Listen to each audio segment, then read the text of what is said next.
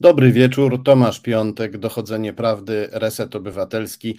Gorąco pozdrawiam wszystkich oglądających, słuchających, komentujących, lajkujących, udostępniających i oczywiście subskrybujących, bo e, zachęcamy do tego gorąco, żeby e, Reset Obywatelski subskrybować w serwisie YouTube. Kto to zrobi, może teraz komentować na czacie. Gorąco do tego zachęcamy. Każda wasza subskrypcja no, nic nie kosztuje, a sprawia, że więcej osób się dowie o resecie obywatelskim, bo kto bardziej subskrybowany, ten również bardziej oglądany, częściej się wyświetla osobom, które wchodzą na YouTube i szukają czego by tu pooglądać, posłuchać. No i bardzo dziękuję też wszystkim tym, którzy wspierają nas finansowo, jak również tym, którzy kupują książki wydawnictwa Arbitror. Pytaliście po jednej z poprzednich audycji, gdzie można kupić wstrząsającą książkę Marka Zagrobelnego Pokochać PiS. Ona jest dostępna w księgarniach w Empiku, ale także w sklepie wydawnictwa Arbitror www.arbitror.pl łamane przez e, sklep. Gorąco gorąco zachęcam do tego, żeby przeczytać tę książkę. Bardzo Wam wszystkim dziękuję. Super, że jesteście i super, że jest z nami ukraińska dziennikarka i ekspertka Kateryna Pryszczepa, która powie nam, co się dzieje w Ukrainie, a dzieje się bardzo dużo. Nie wiem, czy słyszeliście o dymisji szefa służb specjalnych Ukrainy. Zapraszam do studia panią Katerynę. Dobry wieczór. Witam Państwa. Dziękuję bardzo za przyjęcie zaproszenia. Dobry wieczór. E, dobry. Bardzo mi miło. E, mam nadzieję, że będę mogła powiedzieć Państwu czegoś więcej niż e, Państwo już wiedzą, bo tak naprawdę tak, z jednej strony dużo się dzieje w Kijowie i w innych miejscach na Ukrainie, natomiast mam, odnoszę wrażenie, że teraz coraz jak się rzuci kamieniem w Polsce, to się trafi w eksperta od spraw ukraińskich, więc to jest no trudne tak. zadanie dzisiaj mam. Ale pani jest naprawdę ekspertką, poza tym jest pani Ukrainką, a spojrzenia z zewnątrz bywają cenne, ale jednak e, spojrzenie z, z wewnątrz jest zawsze, jest zawsze ważniejsze. E, przede wszystkim chciałem spytać, czy to była dymisja, czy zawieszenie, bo najpierw rozeszła się wieść o tym, że Iwan Bakanow, szef służby bezpieczeństwa Ukrainy, został zdymisjonowany. Potem Reuters podał, agencja Reutera podała, że to jednak było zawieszenie w związku z toczącym się śledztwem. Czy może pani nam powiedzieć, co, co dokładnie się wydarzyło? E, formalnie to jest nazwane zawieszeniem, e, przy czym e, trzeba przyznać, że prezydent tak do końca nie może samodzielnie właśnie podać dymisji szefa służby, służby bezpieczeństwa Ukrainy, więc cała ta historia z tymi, po pierwsze, że coś, co się wydarzyło w niedzielę po południu, to jest taki czas no raczej nieurzędowy, tak? Wiadomo, że teraz państwo nigdy nie śpi, ale e, to jakaś taka dziwna, e, dziwna godzina na takie ważne decyzje kadrowe, jeżeli chodzi o to. A po drugie, e, po prostu stan rzeczywisty jest taki, że pan Bakanow oraz e, pani e, prokurator generalny nie stanem na dzisiaj w opinii pana prezydenta nie mogą pełnić swoich obowiązków. Natomiast prezydent nie ma e, jakby prawa poddać ich do dymisji no i chyba spróbowałby myśleć jakiś sposób, żeby ich po prostu usunąć nie mając na to prawa, zgodnie z prawem ukraińskim, czyli z konstytucją w tym przypadku. No ale to znaczy, że wydarzyło się coś drastycznego, jeżeli prezydent podejmuje taki krok. No, wojna to zresztą czas drastyczny i podejmuje się drastyczne kroki. Ja czytałem, że pan e, Bakanow e, e, został zawieszony w związku z podejrzeniem o niewypełnienie lub niedopełnienie obowiązków, które zaowocowało jakimiś wielkimi stratami, także stratami e, ludzkimi podczas toczącej się wojny. To brzmi bardzo drastycznie, no i to cała sytuacja jest o tyle dziwna, że jeśli e, media światowe informują rzetelnie, to pan Bakanow, e, były już w tej chwili, czy też zawieszony szef Służby Bezpieczeństwa Ukrainy, to przyjaciel prezydenta Wołodymera Zełeńskiego jeszcze z czasów dzieciństwa. Potem razem działali, jakby to powiedzieć, jeśli dobrze media o tym informują rzetelnie, to działali razem w show biznesie, robili tak. biznesy. Mówiono, że posiadają razem nieruchomości na Wyspach Brytyjskich. No więc co takiego się stało, że człowiek tak związany z prezydentem, nagle, co musiało się stać, jakiego, jak grubego kalibru to jest sprawa, że przyjaciel prezydenta e, zostaje w taki sposób e, nagły i nie do końca e, legalny, odsunięty od pełnienia swoich obowiązków. E, to jest jakby, można sięgnąć jeszcze, wrócić tak e, przed dwa lata, żeby w ogóle zadać pytanie, dlaczego on został mianowany na takie stanowisko. E, pan Bakano nie ma żadnego doświadczenia ani w organach sprawiedliwości, ani w organach ścigania, nie miał w momencie, kiedy został mianowany na, na to stanowisko i właśnie dostał to, objął to stanowisko tylko z racji tego, że wygląda na to, że był przyjacielem prezydenta albo osobą, która była prezydentowi znana od lat. E, natomiast obecnie po pierwsze wiemy, że w tych terenach, na terenach ukraińskich, które teraz są pod okupacją, czyli na które rosyjskie wojska wkroczyły od początku marca, czy od końca lutego, od początku marca, doszło do, kil, do takich licznych dość przypadków, zwłaszcza w obwodzie chersonskim, kiedy pracownicy Służby Bezpieczeństwa Ukrainy e, no, zostali kolaborantami e, e, władzy okupacyjnej, albo przynajmniej nie zrobili za bardzo, żeby powstrzymać inwazję.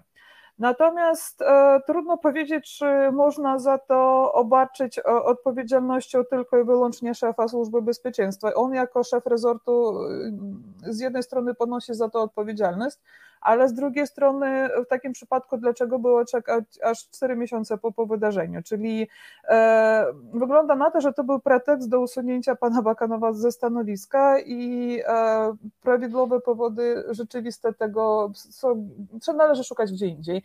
Na razie trudno powiedzieć ostatecznie, dlaczego do tego doszło. Są różne takie domniemania tak, w tym temacie. E, I o to od razu przerwę i zapytam, właśnie. jakie domniemania? No właśnie, e, domniemania mogły być takie, że jedna z możliwych, jedno z możliwych utłumaczeń jest takie, że e, znaczy, jeżeli spojrzymy na to, jakie osoby teraz będą pełniły obowiązki szefu, szefa rezortu, to widzimy, że to jest, to jest osoba z bardzo długim doświadczeniem właśnie w tych resortach siłowych, nie do końca zreformowanych w przypadku Ukrainy, czyli e, osoba z powiązaniami z, z obecnym też bardzo bliskim współpracownikiem prezydenta panem Tatarowym, czyli e, chodzi chyba o to, że wzmacniają się e, osoby z doświadczeniem z rezortów siłowych, które wykorzystują sytuację wojenną, żeby po prostu no, zdobyć dodatkowe uprawnienia i upoważnienia, których e, zgodnie z prawem nie mają, tak by pan mhm. powiedziała. Czyli chodzi o to, że ten Ukra deep state w ukraińskiej odmianie chyba Czyli tak próbuje... tak zwane głębokie e, państwo. Polacy mówią tak. państwo w państwie, kiedy mówią tak. o tym, e, o bardziej ukrytych strukturach państwa. Tak, czyli to jest jedno z możliwych wytłumaczeń tego.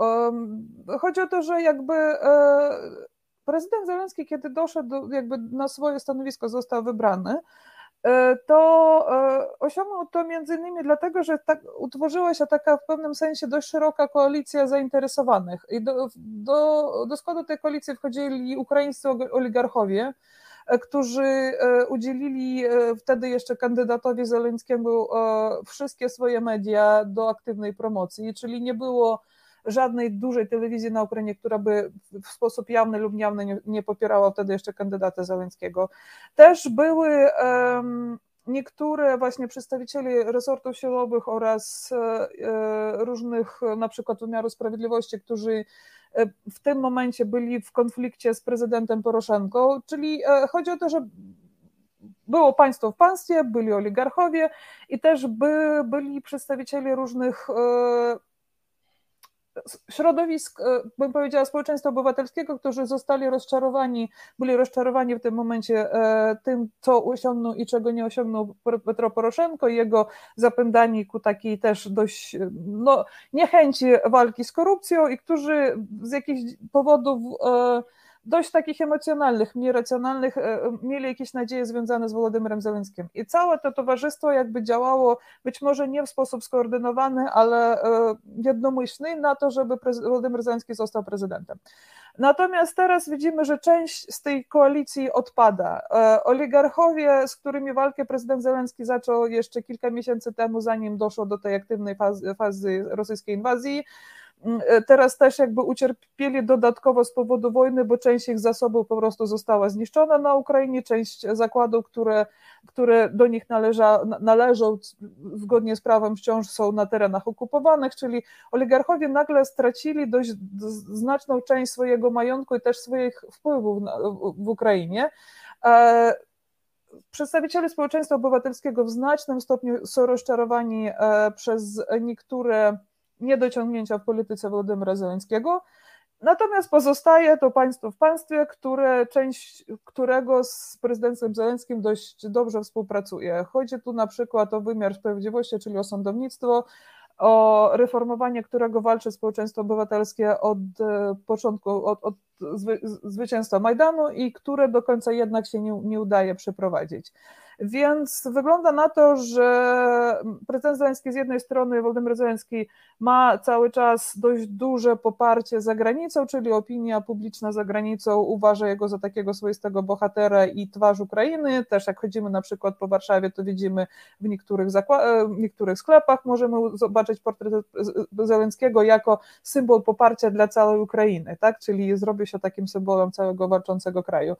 E, natomiast w Ukrainie e, jego, jego osiągnięcia są bardziej sceptycznie czasem e, są, są postrzegane. Z jednej strony wszyscy, wszyscy potwierdzają, że ten fakt, że Władimir Zelenski nie uciekł z Kijowa w pierwsze dni inwazji był bardzo ważny dla tego, jak się potoczyły losy tej wojny, że Ukraina była w stanie się obronić i cały czas się broni. Natomiast Ukraińcy, którzy dzielnie e, ktoś w wojsku, ktoś jako osoba wspierająca wojsko walczy teraz w obronie kraju, rozumie, że nie da się wywalczyć, e, że nie walczy tylko jeden prezydent, że to jest całe społeczeństwo, które walczy i e, u sukcesu Ukrainy opierają się, spoczywają na działaniu wielu setek tysięcy osób i natomiast natomiast to poparcie e, opinii publicznej dla prezydenta Zeleńskiego wydaje się, że istnieje taka pokusa, że będzie chciał wykorzystać dla wzmocnienia swojej władzy politycznej. Czyli jeżeli w pierwsze dwa miesiące być może wojny wyglądało na to, że ta wewnętrzna walka polityczna, e, konkurencja została zamrożona, tak, z powodu tego, że e, to był, to była niebezpieczeństwo egzystencyjne dla kraju, że chodziło o to, czy Ukraina przetrwa, czy nie, to teraz e, odnoszę wrażenie, że i dużo osób w Ukrainie odnosi wrażenie, że ten pierwszy lęk, ten pierwszy e, szok inwazji już minął, już doszliśmy do wniosku i też władze polityczne w Ukrainie doszły do wniosku, że kraj uda się obronić, nawet jeżeli Ukraina poniesie teraz jakieś straty terytorialne w wyniku tej inwazji, jeżeli by doszło do rozejmu, to państwowość pozostanie, pozostanie państwo ukraińskie, więc e, wracamy w pewnym sensie do takiego stanu sprzed wojny, tak, że e, mamy intrygi, mamy jakieś takie e, układy, które się reanimują.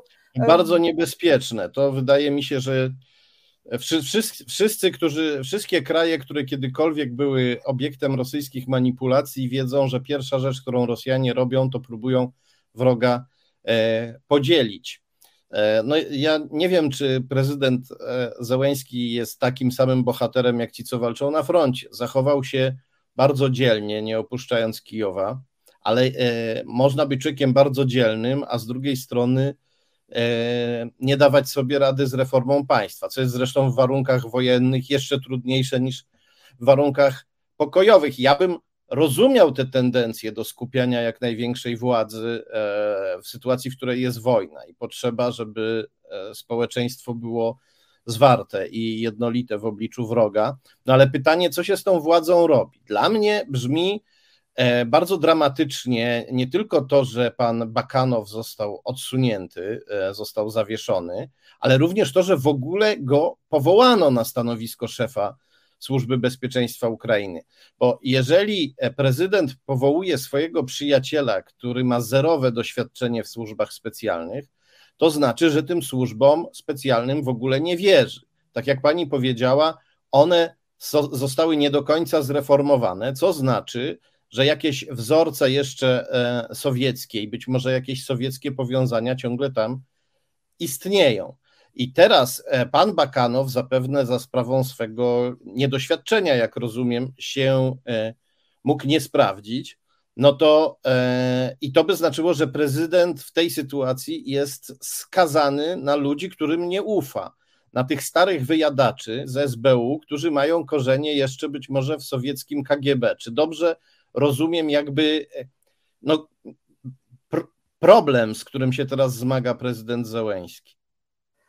E, jakby wiemy i to nie jest żadna tajemnica, że e, resorty siłowe w Ukrainie nigdy do końca nie zostały e, zreformowane po, po upadku Związku Radzieckiego. Czyli w pewnym sensie to jest ciągła ewolucja, ewolucja tych resortów, które być może z racji tego, że państwo ukraińskie teraz istnieje, to zrobiły się propaństwowo-ukraińskie, bo też jakby jeżeli mówimy o państwie w państwie, to e, tam ci szare eminencje potrzebują państwa, żeby też uprawiać te swoje szare eminenctwo, tak? Czyli e, w pewnym sensie nawet jeżeli chodzi o jakieś skorumpowane resorty jednak cały czas potrzebują państwa, żeby było nawet na czym, e, na czym, na, na czym jakby prowadzić te swoje, te swoje skorumpowane działania. Natomiast Wracając do, do, jakby do tematu mianowania Jewgena Bakanowa na stanowisko szefa Służby Bezpieczeństwa Ukrainy. E, fakt te, te, tego, że Władimir Zelenski został wybrany prezydentem w 2019 roku, to była taka mini rewolucja e, społeczna, pokojowa tym razem ukraińska, I dużo wtedy było mówiono o tym, że ukraińskie społeczeństwo chciało e, zacząć w pewnym sensie od zera, w tym sensie, że e, wybrali kogoś na stanowisko prezydenta, który nie miał doświadczenia politycznego, nie, nie miał powiązań, to znaczy tak, i no i mieli nadzieję, że pan prezydent Zelenski będzie zachowywał się jak ten jego bohater jego, jego serialu, tak o właśnie o słudze ludu.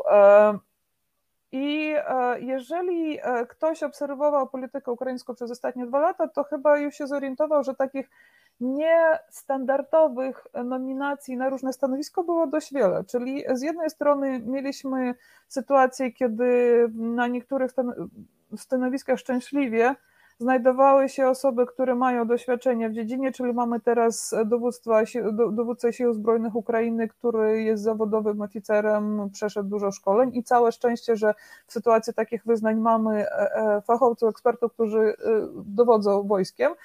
Natomiast niestandardowych no było mnóstwo. Pan Jermak jest też partnerem biznesowym prezydenta, który nigdy do momentu wyborów nie był nie, był, nie pełnił żadnego państwowego stanowiska.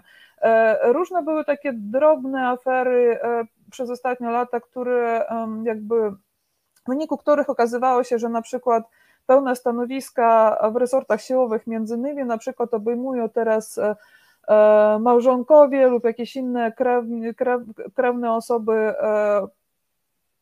pań lub panów, osób, które pracowały z prezydentem w, w show biznesie.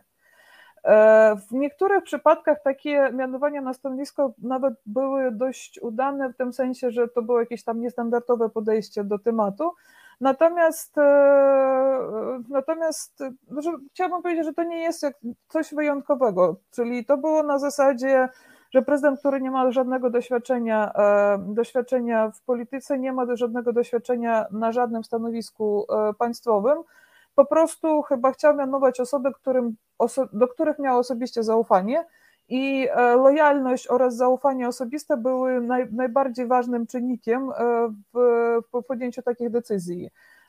I chyba to było tak, że ani Wołodymyr Zelenski, ani osoby w jego otoczeniu nie uważały, że doświadczenie w polityce to jest coś, co jest, co, co ma wartość, tak? co jest, co w jakikolwiek sposób kogokolwiek może pozytywnie charakteryzować. E, pamiętajmy, że na przykład szefem cały czas, szefem na przykład Ministerstwa Cyfryzacji e, Ukrainy jest Oleksiej Fedorow, który podczas kampanii wyborczej prezydenckiej odpowiadał za promocję kandydata Zeleńskiego w, w portalach społecznościowych, tak? E, teraz jest szefem Ministerstwa Cyfryzacji, który realizuje dość ambitne projekty, natomiast, czyli które i tu jest tak, że to jest osoba, która ma jakieś wizje, bo to jest młoda osoba, która może marzyć tam o przyszłości. Natomiast eksperci w dziedzinie cyberbezpieczeństwa cały czas twierdzą, że e, wszystko, co Ukraina teraz robi, nie, e, to znaczy co resort robi, co robi, e, co robi Ministerstwo Cyfryzacji, nie ma taki jeden mankament, że pytanie cyberbezpieczeństwa po prostu nie, nie przydzielono im wystarczającej uwagi. Że, e, I pamiętamy przecież, że były te całe fale ataków, e, cyberataków na Ukrainę ze strony Rosji, które po prostu pokazują, że Ukraina cały czas jest narażona na e, niebezpieczeństwo takich ataków, a wygląda na to, że ministerstwo, które jest odpowiedzialne za, za, za ten cały obszar, jest sterowane przez osobę, która. Oleksiej Fedorow jest znany, Michał Fedorow między innymi jest znany z tego, że w jednym z wywiadów powiedział, że kwestie cyberbezpieczeństwa są e, jak to się, overrated, tak by powiedział, e, powiedział prezydent Przeceniane. Przeceniane, tak, przeceniane. Są przeceniane, ale z drugiej strony, czy nie popadamy teraz w pułapkę e, niedoceniania? Bo jednak, ta, biorąc pod uwagę, że to była ekipa w dużej mierze niedoświadczona, to jednak no, znakomicie sobie poradziła w większości najważniejszych spraw, jeżeli się udało e, powstrzymać rosyjską inwazję, a się udało. Mhm. E, to jest pytanie, czy to jest też ich zasługa, czy to jest tylko zasługa narodu i wojska, który. E, no, po pierwsze, wojsko to jest armia, wojsko to jest instytucja państwowa, tak? Po prostu być może możemy dojść do wniosku, że w pewnym momencie też jakby prezydent Zelenski jednak się uczył e, i w pewnym momencie wiemy, że na przykład e, obecny dowódca sił zbrojnych e, został mianowany w, w dość, dość niedawno na, na to stanowisko, czyli za czasów Walerii Zalużny został, został dowódcą sił zbrojnych mniej więcej niż rok temu i za czasu już prezydentury Wolodymyra Zeleńskiego tych dowódców kilka razy zmieniano, czyli okazuje się, że w niektórych bardzo ważnych dziedzinach e, prezydent w pewnym momencie, można tak powiedzieć, e, no po prostu poszedł po rozum do głowy i e, zwrócił się do osób, które miały doświadczenie w dziedzinie, odpowiednie wykształcenie, być może jakieś kontakty międzynarodowe. Natomiast też cały, czyli mamy taką hybrydę, tak? Mamy na, na niektórych stanowiskach mamy osoby z bardzo dużym doświadczeniem w tej dziedzinie, który, którą zarządzają, E, natomiast e, łączymy to z, z, osobami, które są jak spoza, spoza tematu. Obecny e, minister obrony nigdy w życiu nie miał nic, stycz, żadnej styczności z wojskiem do momentu, kiedy został mianowany ministrem obrony, Aleksiej Reznikow, tak?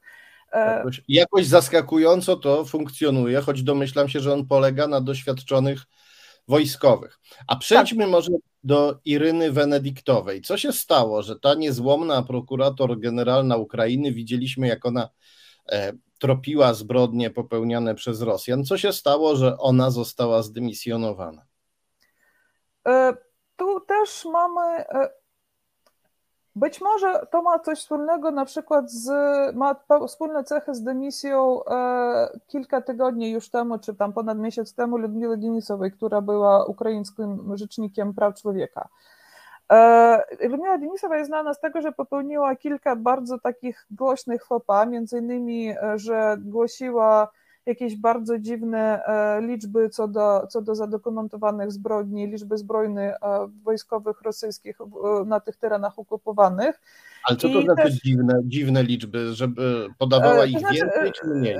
Tak, nie, nieuzasadnione, tak, czyli ona robiła bardzo głośne głośne takie oświadczenia dla prasy, które na przykład zawierały liczby, które było bardzo trudno zweryfikować, a z drugiej strony też podawało w tych oświadczeniach szczegóły popełnionych zbrodni, które były bardzo drastyczne i takie histeryzujące. I doszło w pewnym momencie do tego, że przedstawiciele różnych organizacji e, społeczeństwa obywatelskiego wystosowali nawet e, takie oświadczenie e, adresowane do pani Rzecznik Praw Człowieka, z takim nawet, nawet nie z prośbą, z takim żądaniem, żeby, no, żeby zaczęła mówić w bardziej taki powstrzymany sposób i żeby nie, do, nie doprowadzała do dodatkowej histeryzacji społeczeństwa i żeby nie spekulowała na, na nieszczęściu ofiar. E, no tak, no my tutaj w Polsce wiemy, że nic tak nie cieszy Putina, jak e, wtedy, gdy się go oskarży o jakąś zbrodnię, której przypadkiem nie popełnił. Czy na przykład o katastrofę smoleńską w naszym przypadku. On wtedy może e, po całym świecie krzyczeć i wołać, że jest biedną ofiarą oszczerstw, że jest szkalowany. No dobrze, bo pomówiliśmy dość obszernie o tych dymisjach, a tutaj się bardzo dużo dzieje. Chciałem spytać o bombardowania supermarketów e, w Ukrainie, bo to też jest rzecz, która się przebija do, ta informacja do Polski i e, pojawia się pytanie, niektórzy eksperci pytają, czy to nie jest tak, że Putin chce e, zniechęcić skutecznie Ukraińców do robienia zakupów, żeby spowolnić jeszcze bardziej gospodarkę ukraińską, która i tak ucierpiała na skutek wojny?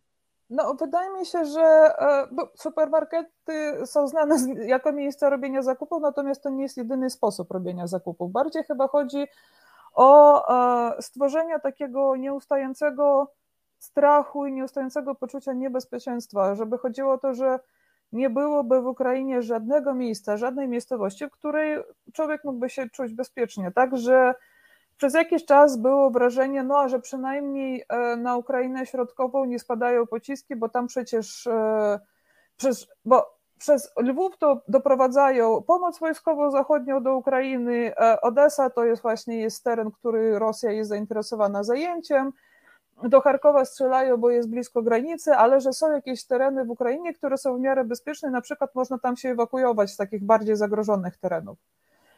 Teraz jakby cała, cała ta seria ataków e, na różne miasta przez ostatnie kilka tygodni ma, jednym ze swoich skutków ma to wrażenie, że, czyli i takie stwierdzenie, że nie ma bezpiecznego miejsca w Ukrainie, czyli e, nie da się schronić w granicach Ukrainy, jeżeli by chciało się zagwarantować sobie bezpieczeństwa na, na, 100, na 100%. I jedna z polskich ekspertek e, do spraw migracji, Marta, dr Natalia Rysiewicz, ona właśnie odnotowała to już jakiś czas temu, że e, jakby to jest jej opinia, że celem ataków, e, części z ataków jest właśnie stworzenie takiej no, poczucia niebezpieczeństwa wśród obywateli Ukrainy i też nasilenie, jeżeli by się udało takich tych migracji z, z Ukrainy do Europy, być może celem jakby wywołania dodatkowej presji na społeczeństwa europejskie. I w pewnym sensie to mamy potwierdzenie tego, z tego co widziałam w mediach, um, widziałam takie oświadczenie, że podobno już na Łotwie miasta oświadczyły, że władze samorządu oświadczyły, że już nie mają zasobów, żeby przyjmować dodatkowych uchodźców z Ukrainy. Czyli niektóre kraje, które są w miarę blisko Ukrainy lub których ludność mówi językiem rosyjskim w tym przypadku, przynajmniej część, że Ukraińcy łatwiej się odnajdują, tak, że e, w przypadku Polski to chodzi o polski, który w miarę, którego w miarę łatwo się nauczyć, w przypadku tych krajów bałtyckich chodzi o to, że znaczna część obywateli tam mówi po rosyjsku, że niektóre z tych krajów będą niedługo jakby na, u skraju wyczerpania do, dostępnych zasobów. I chyba bardziej chodzi o to. W niektórych przypadkach, na przykład, um, bardzo ciekawe są analizy tych, e, tych e, ataków, które przeprowadza taki zespół, który się nazywa Conflict Intelligence Team. E, to jest zespół osób, które się zajmują takim OSINT-em, tak? czyli analizą źródeł otwartych i analizą działań wojennych. I w tym zespole są obywatele rosyjscy oraz ukraińscy, czyli to jest taki zespół bardziej ukraińsko-rosyjski, który dość intensywnie bada wszystkie incydenty, do których dochodzi teraz w Ukrainie. I w niektórych przypadkach oni mogą, że jeżeli w przypadku niektórych ataków, jak na przykład w tym Kremenczuku, tak ataku, można byłoby jeszcze spekulować i twierdzić, że być może celem ataku był jakiś obiekt wojskowy, ale doszło do pomyłki, to w niektórych przypadkach to jest oczywiste, że to jest celowy, z premedytacją atak na obiekt cywilny celem właśnie, e, no celem po prostu ataku cywilów. I chyba mówimy o polityce zastraszania ludności cywilnej. Rozumiem. E, Kolejne pytanie, bo ja się tu oczywiście muszę odnosić siłą rzeczy do debaty publicznej przede wszystkim w Polsce, bo gdzie o Ukrainie mówi się bardzo dużo, no ale mówi się trochę inaczej niż w samej Ukrainie. E, teraz w debacie publicznej polskiej pojawił się taki e, pomysł, żeby jednak nie wprowadzać embarga na rosyjskie towary, tylko żeby obłożyć sprzedaż tych towarów specjalnym podatkiem i wpływy z tego podatku przekazywać Ukrainie, żeby, żeby się żeby to wydawała na, na, na wojnę, na swoją obronność. Eksperci twierdzą, niektórzy, że w momencie, w którym my uniemożliwiamy Rosji eksport do, do, naszych, e, do naszych krajów, to, to nie robimy jej, to nie robimy jej takiej, nie robimy jej takiej krzywdy, a równocześnie osłabiamy samych siebie, bo e, nie, nie robimy Rosji wielkiej krzywdy mimo wszystko, no bo tam to, że e, a przede wszystkim również problemem jest, problemem jest to, że wprowadzamy, wprowadzamy również embargo na eksport naszych towarów do Rosji. Przez co, no jakby być może klasa średnia w Rosji cierpi, nie mogąc sobie kupić jakiegoś sera czy jakiejś torebki, ale ogólnie społeczeństwo rosyjskie nie, nie cierpi znacznie, a dodatkowo jeszcze yy, Rosja nie wydaje w ten sposób swoich dewiz, swoich walut zachodnich. E, może e, trzymać waluty zachodnie w rezerwach dewizowych, które, e, im są większe, tym mocniejszy jest rubel i przez to Putin może kupować więcej pieniędzy na broni. Tak argumentują niektórzy, e, niektórzy ekonomiści. Chciałem spytać, e, jak e, pani widzi te propozycje, żeby jednak handlować z Rosją, ale, pienio- ale zyski z tego, z tego handlu, wszelkie zyski z tego handlu, które mm, są po stronie zachodniej, opodatkować, i przekazywać ten podatek Ukrainie na cele wojenne? No, przede wszystkim y, trudno mi jest powiedzieć, chyba ekonomiści będą w stanie powiedzieć, ile by się dało zyskać na opodatkowaniu handlu z Rosją i jaka część z tego by w efekcie trafiła do Ukrainy. Natomiast jeżeli chodzi o handel z Rosją, chodzi bardziej nie o korzyści y, materialne, czyli zyski, chodzi o przywiązanie na własne życzenie Zachodu do kraju, którego reżim gwałci wszystkie prawa międzynarodowe i e, prowadzi agresywną wojnę e, w kraju ościennym oraz też jakby miażdży swoją opozycję. Czyli jeżeli uważamy, uznajemy, że to jest w porządku, no to w każdym razie możemy, możemy kontynuować handel z Rosją. Czyli jeżeli chodzi o sankcje w stosunku do Rosji. Chodzi bardziej o to, o zasygnalizowanie tego, że to, co robi Władimir Putin i jego reżim, to nie jest normalne i to jest przeciwne wszystkiemu, e, co Zachód postuluje jako zasady swojego, swojego istnienia i swojego funkcjonowania. E, jeżeli, a takie argumenty w stylu, że z tego coś będzie miała Ukraina, no to jest, e, nie wiem, nie wiem komu, komu jest oferowana ta łapówka, Ukrainie, żeby zaakceptowała ten handel, czy swoim własnym społeczeństwom. E, na przykład słyszałam, widziałam takie wiadomości o tym, że niektórzy producenci towarów luksusowych już by chcieli powrócić do handlu z Rosją. E, bo, bo podobno e, cierpią. Natomiast chciałabym powiedzieć, że rosyjskie społeczeństwo na, jak na ten moment za bardzo nie odczuwa jeszcze braku e, towarów z zachodu. Ponadto, że do tego dochodzą już jakby dochodzi takie, takie zjawisko, jak na przykład to, co się nazywa w Rosji równoległym importem. Czyli wygląda na to, że Chiny jak, jeżeli pamięta Pan, w 2014 po 2014 roku były wprowadzone e, różne sankcje przeciwko Rosji e, ze strony e, Unii Europejskiej. Rosja wprowadziła tak zwane kontrsankcje, w wyniku których zakazała import niektórych produktów żywnościowych, na przykład z, z Unii Europejskiej, w wyniku czego Białoruś nagle się stała wielkim producentem na przykład krewetek i innych towarów morskich, bo po prostu chodziło o mechanizmy jakby unikania e, zadeklarowania importu, importu z Unii Europejskiej. O, tak, tak. Nie wiem, nie wiem, czy pani wie, ale w, e, w tej książce o Mateuszu Morawieckim to opisywałem, ponieważ w 2016 roku Mateusz Morawiecki pojechał do mm, białoruskiego dyktatora Łukaszenki i całkiem otwarcie prosił go o pomoc w handlu z Rosją. E, pomoc polegającą na tym, żeby towary polskie po prostu ometkowywać jako białoruskie tak. i sprzedawać bez problemu w Rosji. E, tak, czyli ale teraz, a teraz wygląda na to, że o tym twierdzą rosyjscy niektórzy dziennikarze i komentatorzy, że wygląda na to, że teraz Chiny zrobią się taką Białorusią do potęgi dla Rosji, znaczy, że e, jeżeli chodzi na przykład o import towarów takich, który przewiduje jakieś, które zawierają jakieś technologiczne tak, e, e, komponenty, to, będzie, to będą robiły Chiny, czyli e, różne na przykład iPhony przysłowiowe będą przywożone do Rosji jako towary zakupione dla Kazachstanu czy dla Chin. I cały ten, jakby cała ta gospodarka rosyjska sprytnie już szuka sposobów, żeby te wszystkie embargo, wszystkie te sankcje jakby ominąć. I e, problem tak naprawdę polega nie na tym, czy zakazać Rosji dostępu do tego, czy nie, tylko jak to skutecznie wyegzekwować.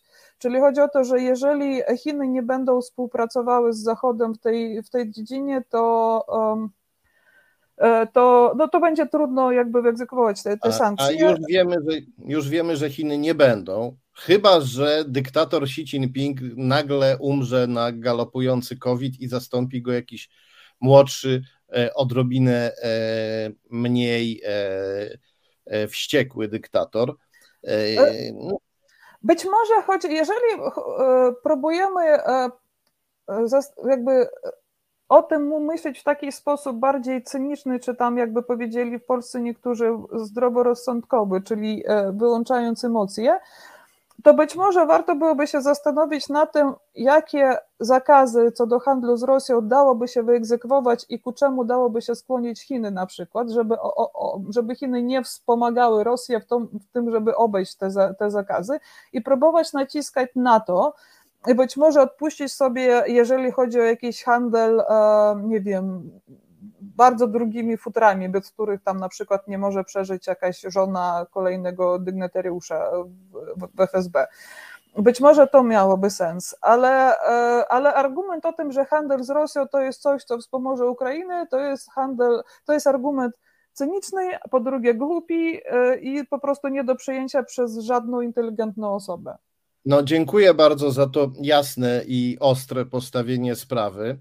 Tutaj nasi y, widzowie piszą też bardzo przytomnie, że y, y, jeżeli my coś opodatkujemy u nas, to Putin może symetrycznie opodatkować u siebie towary z handlu z, przychodzące z zachodu, żeby też wesprzeć swoją, swoją armię i że Ukraina nic na tym nie zyska jeżeli identyczna kwota wpłynie na e, wyposażenie armii zarówno rosyjskiej, jak i, jak i ukraińskiej. Ale myślę, że tutaj najważniejsza jest kwestia etyczna. E, mm, nie należy e, czerpać zysku z mordowania ludzi, nawet, nawet pośrednio. I na dłuższą metę zachowanie przyzwoite też się okazuje zachowaniem korzystnym. Może nie od razu, może nie natychmiast, ale jeżeli popatrzeć na to w perspektywie wielu lat, to myślę, że trzeba dawać przykład i pokazywać tym reżimom, że, że nikt ich nie chce karmić.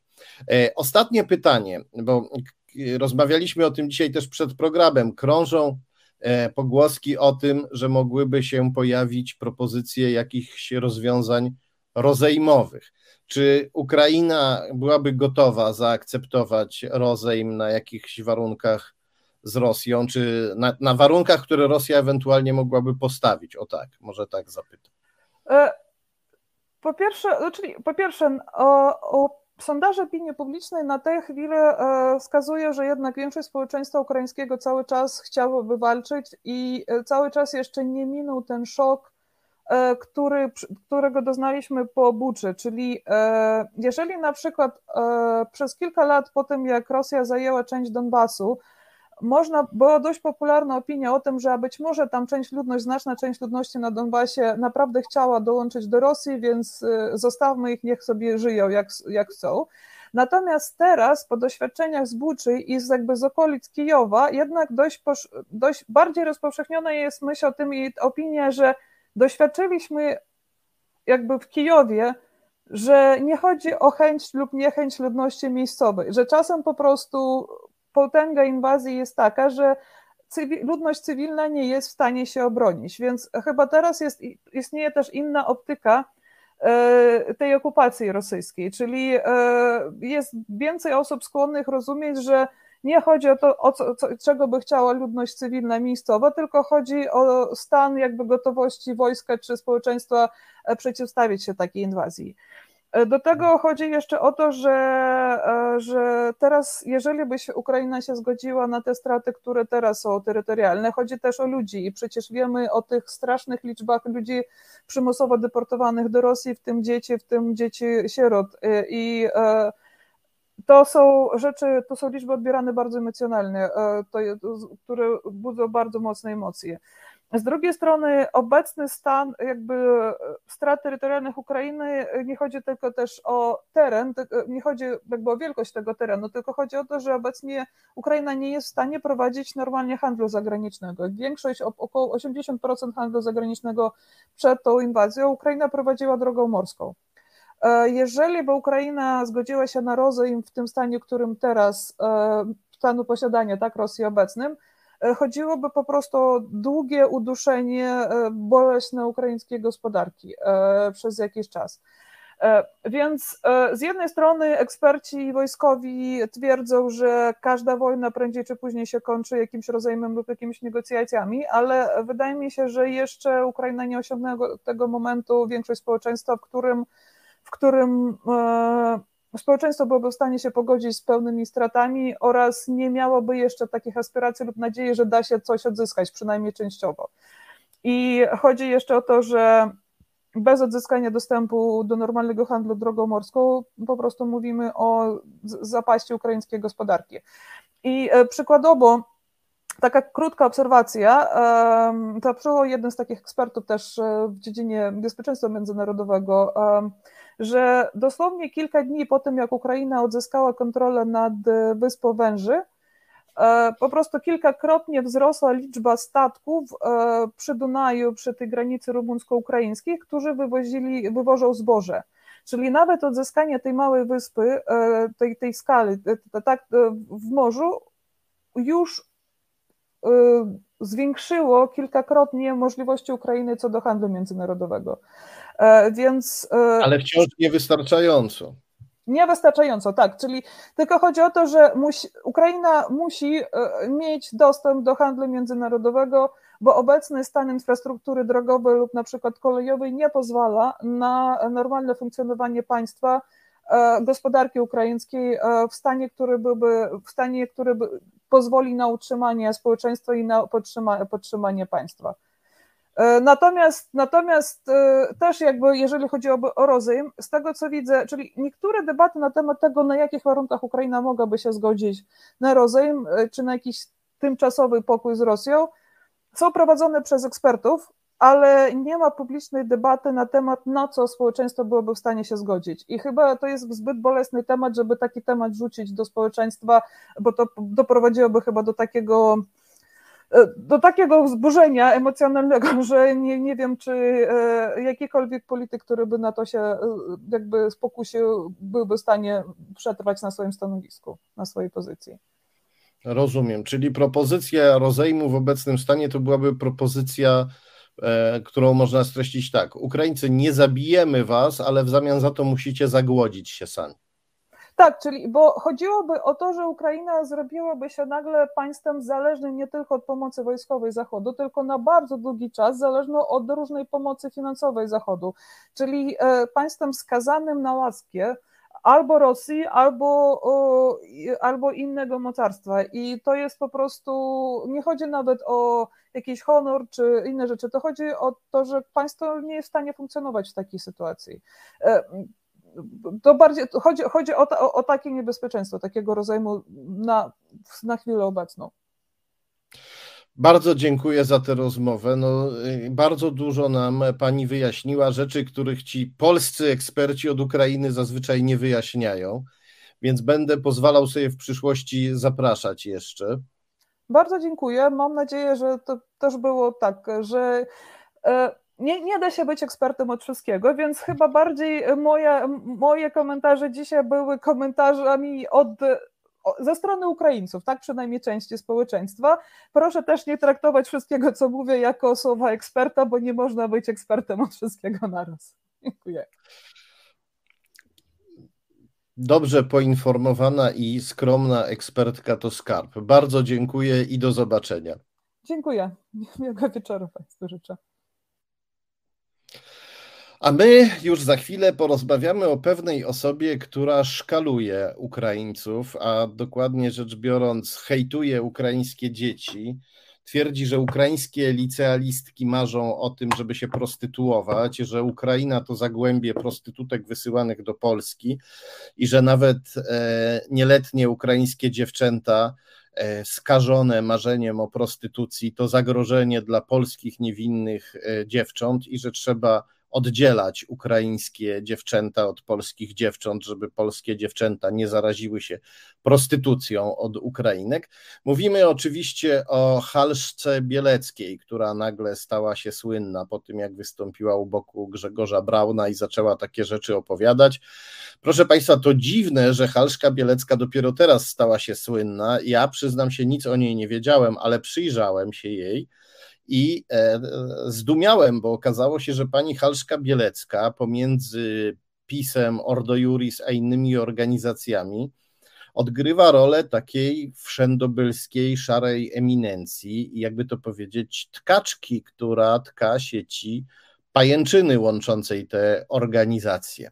O tym porozmawiamy za chwilę, ale najpierw, e, żebyśmy mogli e, odetchnąć przez chwilę i przemyśleć to, co powiedziała nam pani Kateryna, która właśnie nas pozdrawia na naszym wewnętrznym resetowym e, czacie, nie tym YouTube'owym, tylko my tu mamy taki realizacyjny czat i mówi, że będzie dalej oglądać program, będzie z nami. My też pozdrawiamy bardzo panią Katerynę, po to, żebyśmy mogli przetrawić, przemyśleć jej słowa Proszę naszą dzielną realizatorkę Angelę, której też bardzo dziękuję za e, realizację tego programu. Proszę naszą dzielną realizatorkę Angelę o krótką przerwę muzyczną. Katarzis. Wszyscy mu mówią, że księża są źli, a kościół trzeba spisać na straty. A jednak Radosław Gruca na przekór wszystkim stara się udowodnić, że świat nie jest taki czarno-biały. W programach często docieramy do prawdziwego jądra ciemności. Jednak po nocy zawsze przychodzi dzień. O 19 w każdą środę. Radosław Gruca i jego śledztwa w resecie obywatelskim. Dobry wieczór wszystkim, którzy się przyłączyli. Serdecznie pozdrawiam również tych, którzy cały czas są z nami. Zakładam okulary, albowiem, e, jak być może wiecie, przez ostatnie parę lat intensywnie czytając e, dokumenty w Instytucie Pamięci Narodowej, w Krajowym Rejestrze Sądowym i w internecie. No niestety popsułem sobie trochę e, wzrok, ale nie narzekam. Inni tracą więcej, Ukraińcy narażają się na śmierć, więc e, nie wypada tutaj jęczeć. Jestem szczęśliwy, że coś mogłem z siebie dać. Kochani, przechodzimy do pani Halszki Bieleckiej, która stała się słynna za sprawą hejtu, jaki wylała na ukraińskie dzieci, ukraińskie nastolatki. Poproszę o pierwszy skan, po to, żebyśmy się mogli zapoznać z zapleczem tej sprawy. No, zaczęło się od Grzegorza Brauna, który e, ma swój parlamentarny zespół do spraw stosunków międzynarodowych oraz interesów Polski i Polonii. W czwartek, 14 lipca, ten zespół się zebrał i otwierając obrady, Brown zapowiedział, że rozpoczyna akcję Stop Ukrainizacji Polski. E, wystąpił tam też ekspert, który się nazywa Wojciech Siński, ekspert jak ekspert. No człowiek, który mówił różne rzeczy, tak go nazwijmy. Mówił, że Polska nie ma zbieżnych interesów z Ukrainą, że tutaj nam się wmawia, że naszym wrogiem jest Rosja, a Rosja nie jest naszym wrogiem. Rosja jest wrogiem Stanów Zjednoczonych, ale interesy USA są rozbieżne z interesami polskimi. Rząd polski powinien interes, reprezentować interesy Polski. Czyli e, mamy rozumieć, że mamy się przyjaźnić e, e, z Rosją, a nie przyjaźnić z Ukrainą. Tak, bo Ukraina nas tutaj ukrainizuje, grozi nam tutaj jakaś ukrainizacja Polski. Tutaj warto przypomnieć, że Grzegorz Braun, jak widzimy na skanach po prawej stronie, E, jeździł przez ostatnie lata do Moskwy, gdzie spotykał się z Leonidem Sfiridowem, kremlowskim propagandzistą wydalonym z Czech i z Polski w związku z podejrzeniem o szpiegostwo. Sfiridow był najprawdopodobniej związany z siatką e, rosyjskiego wywiadu wojskowego e, GRU w Polsce i to prawdopodobnie bardzo wiele tłumaczy, jeśli chodzi o działalność Grzegorza Brauna. Nieoczekiwanie gwiazdą tej e, konferencji w Sejmie, i tu poproszę o kolejny skan, skan numer dwa. Gwiazdą tej e, konferencji w Sejmie okazała się e, Halszka Bielecka, która przekonywała, że Ukraina to największy eksporter prostytutek do, do Europy i powiedziała, że prostytucja w Ukrainie jest popularna wśród dziewczynek i co czwarta ukraińska licealistka marzy, by zostać prostytutką, więc trzeba chronić polskie dziewczynki, żeby ten e, ukraiński model, e, ta rzekome, to rzekome marzenie ukraińskie o prostytu, prostytuowaniu się nie zakorzeniło się wśród polskich e, dziewczynek. Proszę Państwa, no czegoś takiego, no, słyszeliśmy kremlowska propaganda serwuje nam e, codziennie różne obrzydliwe kłamstwa na temat Ukraińców. Mówi się rzeczy podłe, mówi się, że Ukraińcy sami mordują Ukraińców i burzą swoje miasta, żeby później o to oczerniać, oskarżać Rosjan, oczerniając e, ich. No, mówią rzeczy straszne, ale czegoś takiego, czegoś tak potwornego jeszcze nikt dotąd nie powiedział napiętnowano nie tylko Ukraińców, napiętnowano dzieci ukraińskie, e, nieletnich ukraińskich obywateli przybywających w Polsce, obywatelki młode, które przybywają tutaj uciekając przed wojną, szukając schronienia przed potwornym wrogiem, który jest także wrogiem Polski.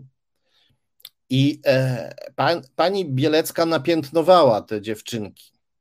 Napiętnowała te dziewczynki, to wiemy, że dzieci bywają bezmyślne i okrutne i wiemy, że e, gimnazjaliści, licealiści mogą e, ten brud, który się wylał z ust pani Bieleckiej, e, jakby to powiedzieć, przyswoić. O, mogą go sobie przyswoić i mogą później wtedy używać go do tego, żeby dręczyć ukraińskie koleżanki. Na szczęście taka postawa nie jest e, w Polsce e, czymś powszechnym, no ale najwyraźniej pani Bielecka chce, żeby się upowszechniła i chce do tego wykorzystać e, bezmyślność dzieci w wieku nastolatków, którzy jak wiemy nie, nie zawsze zachowują się odpowiedzialnie i nie zawsze zachowują się w sposób empatyczny, współczujący, bo są jeszcze nie do końca ukształtowani. To, nie, to jest niewiarygodnie podłe, żeby e, tak piętnować dzieci i e, tak nakłaniać inne dzieci lub ich rodziców do, do, do, e, do hejtu, do nienawiści, do pogardy, do piętnowania, do wykluczania. Podczas kiedy my powinniśmy zrobić wszystko, żeby te nieszczęśliwe osoby, które musiały uciec ze swojego kraju, czuły się u nas jak najlepiej. E, traktując jednak je jak najlepiej, też wspieramy Ukrainę, która dzięki temu czuje naszą solidarność. Ojcowie tych e, dziewczynek walczący na froncie chcą wierzyć, że one w Polsce mają się, e, mają się dobrze. No i tu jest pytanie o to, kim jest pani Bielecka, która coś takiego zrobiła. No, chciałbym powiedzieć, że mam nadzieję, że ona to zrobiła nieświadomie. Nie możemy tego wykluczyć, że to jest jakaś ogromna głupota pani Bieleckiej i że to nie był jej świadomy zamysł. Ale eh, kiedy się patrzy na działalność pani Bieleckiej, to widzimy osobę sprytną, bardzo obrotną, która raczej wie, co robi. Poproszę o skan numer 3, fragment zdjęcia, żebyśmy mogli sobie panią Bielecką e, zobaczyć. To ona z karabinem takie sobie zdjęcie zrobiła. Do czego ona strzelała, no to o tym sobie za chwilę porozmawiamy. E, ale e, nawet nie to, do czego ona strzelała, kiedy sobie zrobiła to zdjęcie, jest, jest najważniejsze. Najważniejsze w przypadku pani Bieleckiej jest to, co ona robi w różnych organizacjach. I tutaj komentatorka Ewa pisze, to jakaś kretynka z e, ołowianym mózgiem, ona powinna trafić za kraty za zniesławienie. Co do tego drugiego, to ja bym nie polemizował, aczkolwiek to sąd powinien, e, niezawisły sąd powinien, to powinien tutaj zadecydować.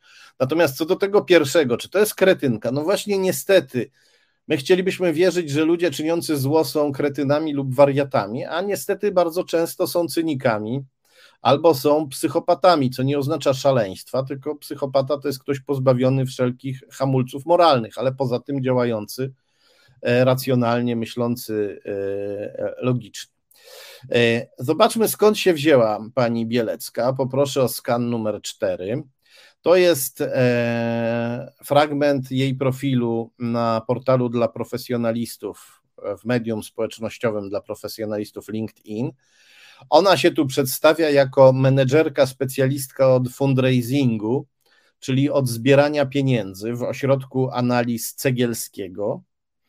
E, widzimy też, że ukończyła filologię rosyjską na Uniwersytecie we Wrocławiu. E, no to akurat nie jest niczym e, hańbiącym. No, można na przykład e, studiować język rosyjski po to, żeby pomagać rosyjskim dysydentom, po to, żeby walczyć z Putinem, choć chyba w przypadku pani Halszki to akurat nie jest ten przypadek. Widzimy też na dole skanu, że wśród jej zainteresowań znajduje się Collegium Intermarium, czyli uczelnia Ordo Juris. Tak się składa, że ośrodek analiz Cegielskiego, w którym pani Halszka Bielecka zbiera pieniądze, dla którego pani Halszka Bielecka zbiera pieniądze, też jest związany ze słynną fundamentalistyczną organizacją Ordo Juris, należącą do ultraprawicowych międzynarodówek wspieranych, finansowanych przez e, Kreml. No, samo, e, żeby być dokładnym, samo Ordo Juris do tych międzynarodówek nie należy, ale założyciele Ordo Juris do tych międzynarodówek należą i e, korzystają z kremlowskiego wsparcia, co doskonale opisała w książce To jest wojna Klementyna e, Suchanow. Dobrze, przyjrzyjmy się bliżej temu e, ośrodkowi e, Cegielskiego. Tak, mamy już kolejny skan. Dziękuję Angeli, która jest na posterunku, nasza realizatorka i nadąża ze skanami.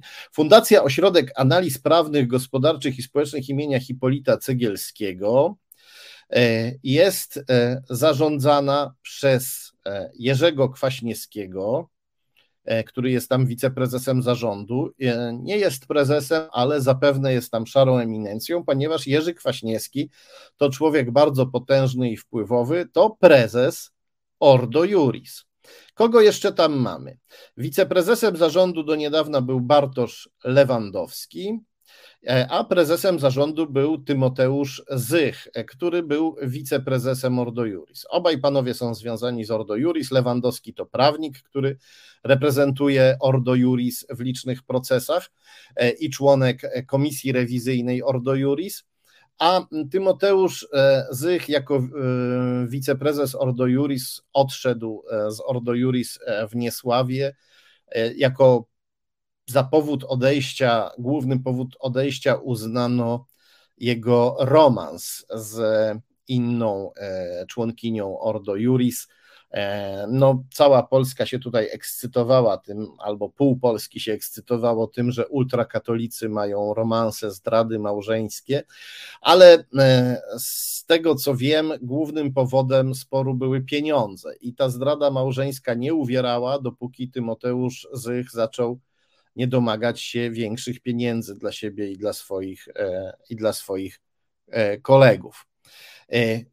No dobrze.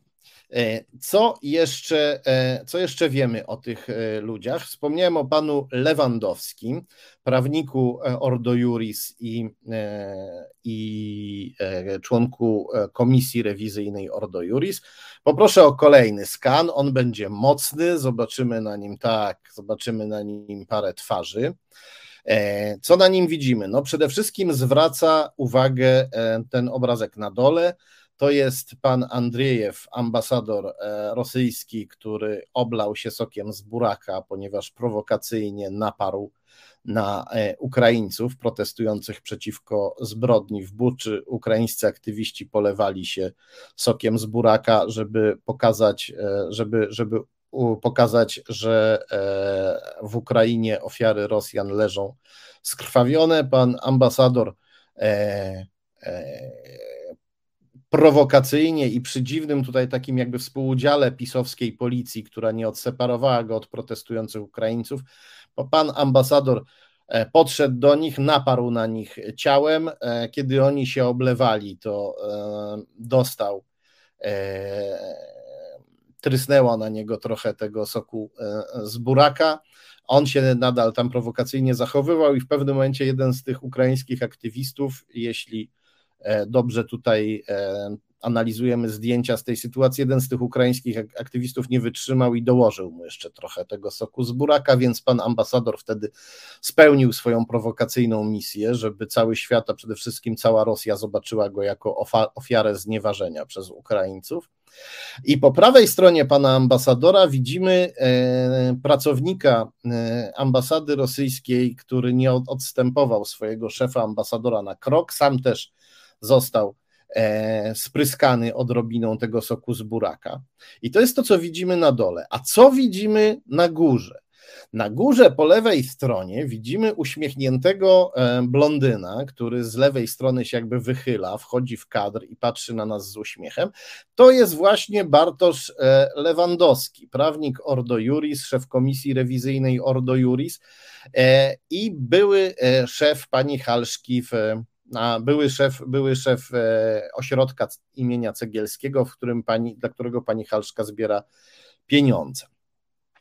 I kogo widzimy po prawej stronie tego zdjęcia? Po prawej stronie tego zdjęcia jest ten sam tajemniczy pracownik ambasady rosyjskiej, którego widzieliśmy przed chwilą, którego widzimy właściwie na dole tego skanu, którego widzimy opryskanego sokiem z buraka. Ten sam, który chronił, który nie odstępował na krok rosyjskiego ambasadora. Jak to się stało, że pan Lewandowski spotkał się e, z tajemniczym pracownikiem rosyjskiej ambasady? No, spotkali się na lotnisku, e, ponieważ eskortowali e, rosyjskiego przestępcę, który porwał dzieci w Szwecji, wywiózł je do Polski i starał się o to, żeby z Polski go przepuszczono do putinowskiej Rosji i dzięki pomocy Ordo Juris oraz tajemniczego pana z e, ambasady e, rosyjskiej, to się temu Rosjaninowi udało. Tam była, on mieszkał w Szwecji z żoną, była trudna sytuacja rodzinna. Szwedzi przyznali jego dzieci rodzinie zastępczej. On miał możliwość starania się o to, żeby odzyskać prawo do tych dzieci i to i i to e, jakby Urząd Ochrony Dzieci w Szwecji właściwie szedł mu na rękę, ale on stwierdził, że on nie będzie czekał, nie będzie załatwiał formalności, on te dzieci porwie wbrew szwedzkiemu prawu i to prawo, i to prawo złamał. Tutaj pretekstem miało być to, że te dzieci oddano rodzinie zastępczej, która miała o zgrozo muzułmańskie korzenie, co w Szwecji nie budzi żadnych emocji, bo tamten system e, ochrony dziecka, tak demonizowany w Polsce, jest bardzo skuteczny i chroni na przykład dzieci też przed wpływem e, rodziców fundamentalistów. Ci muzułmanie akurat żadnymi fundamentalistami, o ile wiadomo, nie byli, ale pan e, Lisow, jeśli dobrze pamiętam, się nazywał, Rosjanin porwał swoje dzieci i przy pomocy Ordo Juris, przy pomocy pana Lewandowskiego wywiózł je do Rosji, gdzie te dzieci będą poddawane e, putinowskiej indoktrynacji, będą hodowane przez rosyjski system edukacyjny na małych faszystów wielbiących Putina, przed czym w Szwecji byłyby, byłyby chronione. To jest pan Lewandowski i dlaczego tyle o nim mówię? No wiemy, że Ordo Juris ma różne powiązania z Kremlem, ale dobrze jest zobaczyć sobie parę takich obrazków, żeby zobaczyć, jak konkretnie te powiązania wyglądają, jak, czym konkretnie one się przejawiają i jakie e, przynoszą owoce. I kiedy widzimy to, to przestajemy się dziwić, że taka pani Halszka, która opluwa ukraińskie e, dzieci, może być z Ordo Juris związana. E, poproszę o e, kolejny, kolejny skan. To jest to jest fragment strony internetowej Kolegium Intermarium, dwa fragmenty tej strony, które ja tutaj skleiłem. Kolegium Intermarium, którym się interesuje pani, pani e, Halszka. I na dole skanu czytamy, że rektorem Kolegium Intermarium jest znowu pan Bartosz Lewandowski, ten sam, który pomógł rosyjskiemu przestępcy wywieźć dzieci do Rosji we współpracy z ambasadą Kremla w Warszawie. I czytamy tutaj, że e, Kolegium Intermarium chce przyciągać studentów z Ukrainy, e, oferuje im program stypendialny. No i proszę Państwa, to jest bardzo niepokojące, kiedy taka organizacja, tak związana e, z Rosją, współpracująca z kremlowską ambasadą w takich sprawach, no wręcz kryminalnych, jak sprawa wywiezionych dzieci ze Szwecji, bardzo to jest niepokojące, kiedy taka organizacja zaprasza e, studentów z Ukrainy do Polski. I e, wspomnijmy, że e, pani Halszka twierdzi, że ukraińskie dziewczęta chcą być prostytutkami, licealistki. E, więc rodzi się pytanie, e, po co, e, jeżeli Ordo Juris wierzy w takie rzeczy, to dlaczego zaprasza ukraińskie studentki do Polski? To jest bardzo, e, to jest bardzo dziwne. Czy po to, żeby uczyć je nienawiści do Ukrainy, po to, żeby same się hejtowały? Bardzo to jest dziwne i bardzo niepokojące, że taka organizacja e, chce uzyskać wpływ na ukraińską młodzież. Organizacja, z którą związana jest pani Halszka, hejtująca po putinowsku ukraińską młodzież. E, Kolejny, e, poproszę o kolejny skan, tym razem ze strony Ordo Juris, po to, żebyśmy sobie uświadomili, jakie to jest dziwne, kiedy mamy z jednej strony taką panią Halszkę, a z drugiej strony Ordo Juris, które ogłasza, jak widzimy na tym skanie, że chce tworzyć archiwum zbrodni wojennych w Rosji, zbrodni wojennych Rosji w Ukrainie że chce e, zdobywać materiały na temat tych e, zbrodni. E, gdyby to robiła jakaś inna organizacja, to uznałbym, że to jest bardzo dobra inicjatywa, ale mówimy o organizacji, która ma liczne powiązania z Kremlem, organizacji, z którą powiązana jest taka pani Halszka, hejtująca Ukraińców. I to, że Ordo Juris chce docierać do dokumentacji zbrodni wojennych w Ukrainie robi się bardzo niepokojące, szczególnie niepokojące, kiedy przypomnimy sobie, że do tej dokumentacji chcą docierać też Rosjanie. Nie tylko po to, żeby tworzyć jakieś propagandowe kłamstwa, mające umiejętnie i skutecznie zatuszować wszystkie ujawnione przypadki zbrodni rosyjskich, na przykład przypisując te zbrodnie samym Ukraińcom. Rosjanie chcą uzyskać dostęp do tych materiałów, żeby zidentyfikować ludzi, którzy w Ukrainie dokumentują te zbrodnie, a potem wysyłają dokumentację na zachód. E, kiedy Ukraińcy próbują opuścić strefę okupowaną przez Rosjan, to Rosjanie tych uchodźców filtrują, jak to się mówi, zanim ich przepuszczą na tereny, które są e, ciągle pod ukraińską władzą filtrują, czyli sprawdzają, co oni mają w telefonach przede wszystkim, żeby zobaczyć, czy oni nie wywożą właśnie jakiejś takiej dokumentacji. Na pewno Rosjanie chcieliby e, e, w jakiś sposób wyeliminować, być może wręcz fizycznie likwidować tych, którzy te zbrodnie dokumentują. Dlatego bardzo niepokojące jest to, że Ordo Juris chce docierać do Ukraińców, którzy właśnie tym się zajmują, dokum dokumentowaniem e, zbrodni rosyjskich w Ukrainie. Wróćmy do pani Halszki. Pani Halszka, jeśli chodzi o jej związki z Ordo Juris, Podobnie jak cała ta organizacja przeżyła małą perturbację, małe zamieszanie związane właśnie z roszczeniami finansowymi i romansem wiceprezesa Tymoteusza Zycha. Poproszę o kolejny skan skan numer 9. E, to jest zdjęcie, na którym e, widzimy drugi z lewej, to Tymoteusz e, Zych, a obok niego siedzi bynajmniej nie jego kochanka.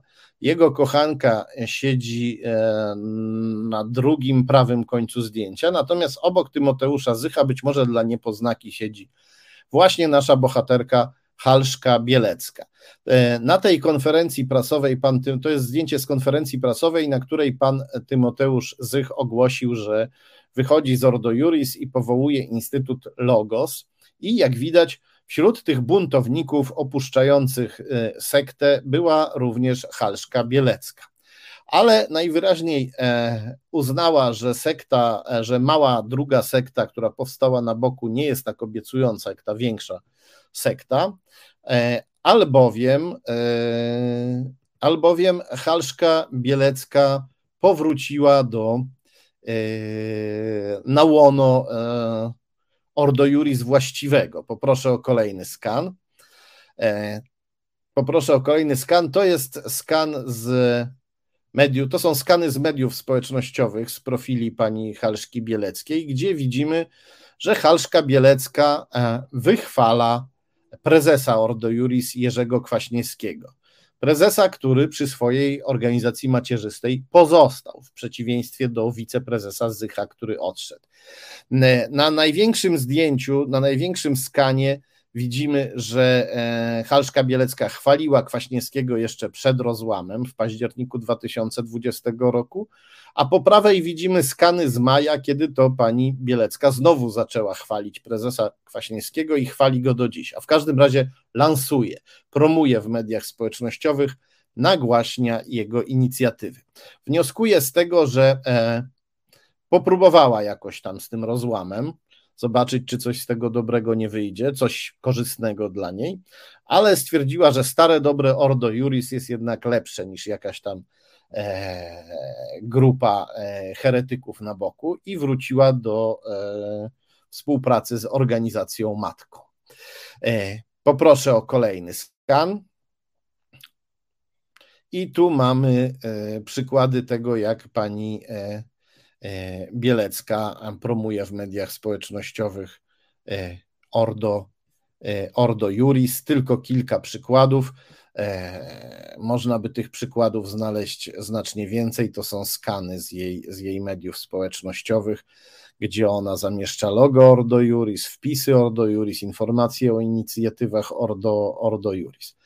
No dobrze, a co poza tym jeszcze robi pani Halszka Bielecka? Pani Halszka Bielecka ma za sobą karierę polityczną, być może jeszcze wcale nie zakończoną. Chociaż taka wypowiedź jak ta o ukraińskich dziewczynkach powinna ją raz na zawsze z polityki wszelkiej zdyskwalifikować. O właśnie, nasza niezastąpiona realizatorka Angela e, pokazuje nam e, kolejny skan. To są znowu dwa wpisy pani Bieleckiej z mediów społecznościowych. Pierwszy z e, października 2018 roku, gdzie pani Halszka Bielecka jest kandydatką ruchu Kukiz 15 do Rady Miejskiej Wrocławia, a drugi skan to e, skan zrobiony pół roku później, no trochę więcej niż pół roku później. Pierwszy jest z października 2018, drugi jest z maja 2019, gdzie e, pani Halszka Bielecka e, kandyduje do Parlamentu Europejskiego z ramienia ultraprawicowej Konfederacji. I tutaj Państwa być może zaintryguje to, że e, obok flagi biało-czerwonej Pani Halszka Bielecka lansuje się również e, na tle pięknego, lśniącego samochodu. I tutaj ktoś złośliwy mógłby zapytać, czy e, na przykład sprezentowano jej taki samochód w zamian za to, że przeszła e, z z 15 do Konfederacji. No, ale to nie takie proste.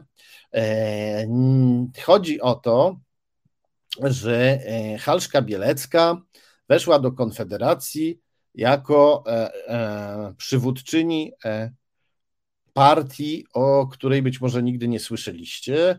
Partii, która się nazywa, i tu poproszę naszą realizatorkę Angelę o kolejny skan. Tak, ta partia się nazywa Partia Kierowców. Partia kierowców, która miała bronić interesów polskich kierowców. Widzimy na górnej części skanu, że pani Halszka Bielecka, liderka partii kierowców, mówi, że kierowcy są w Polsce dyskryminowani. No, piesi mm, zapewne zapatrują się na to inaczej, rowerzyści się na to zapatrują inaczej. Interesujące jest to, że ktoś taki e, wymyślił sobie e, mm, taki sposób na robienie polityki, że ktoś taki jak pani Halszka Bielecka postanowił zostać, e, jakby to powiedzieć, rzeczniczką samozwańczą polskich kierowców. Najprawdopodobniej chodzi tu o to, że kierowcy e, są, jeśli chodzi o kwestie energetyczne, dosyć konserwatywni. E, no, dla wielu z nich przejście na jakieś bardziej ekologiczne sposoby e, zasilania samochodu to jest duży kłopot.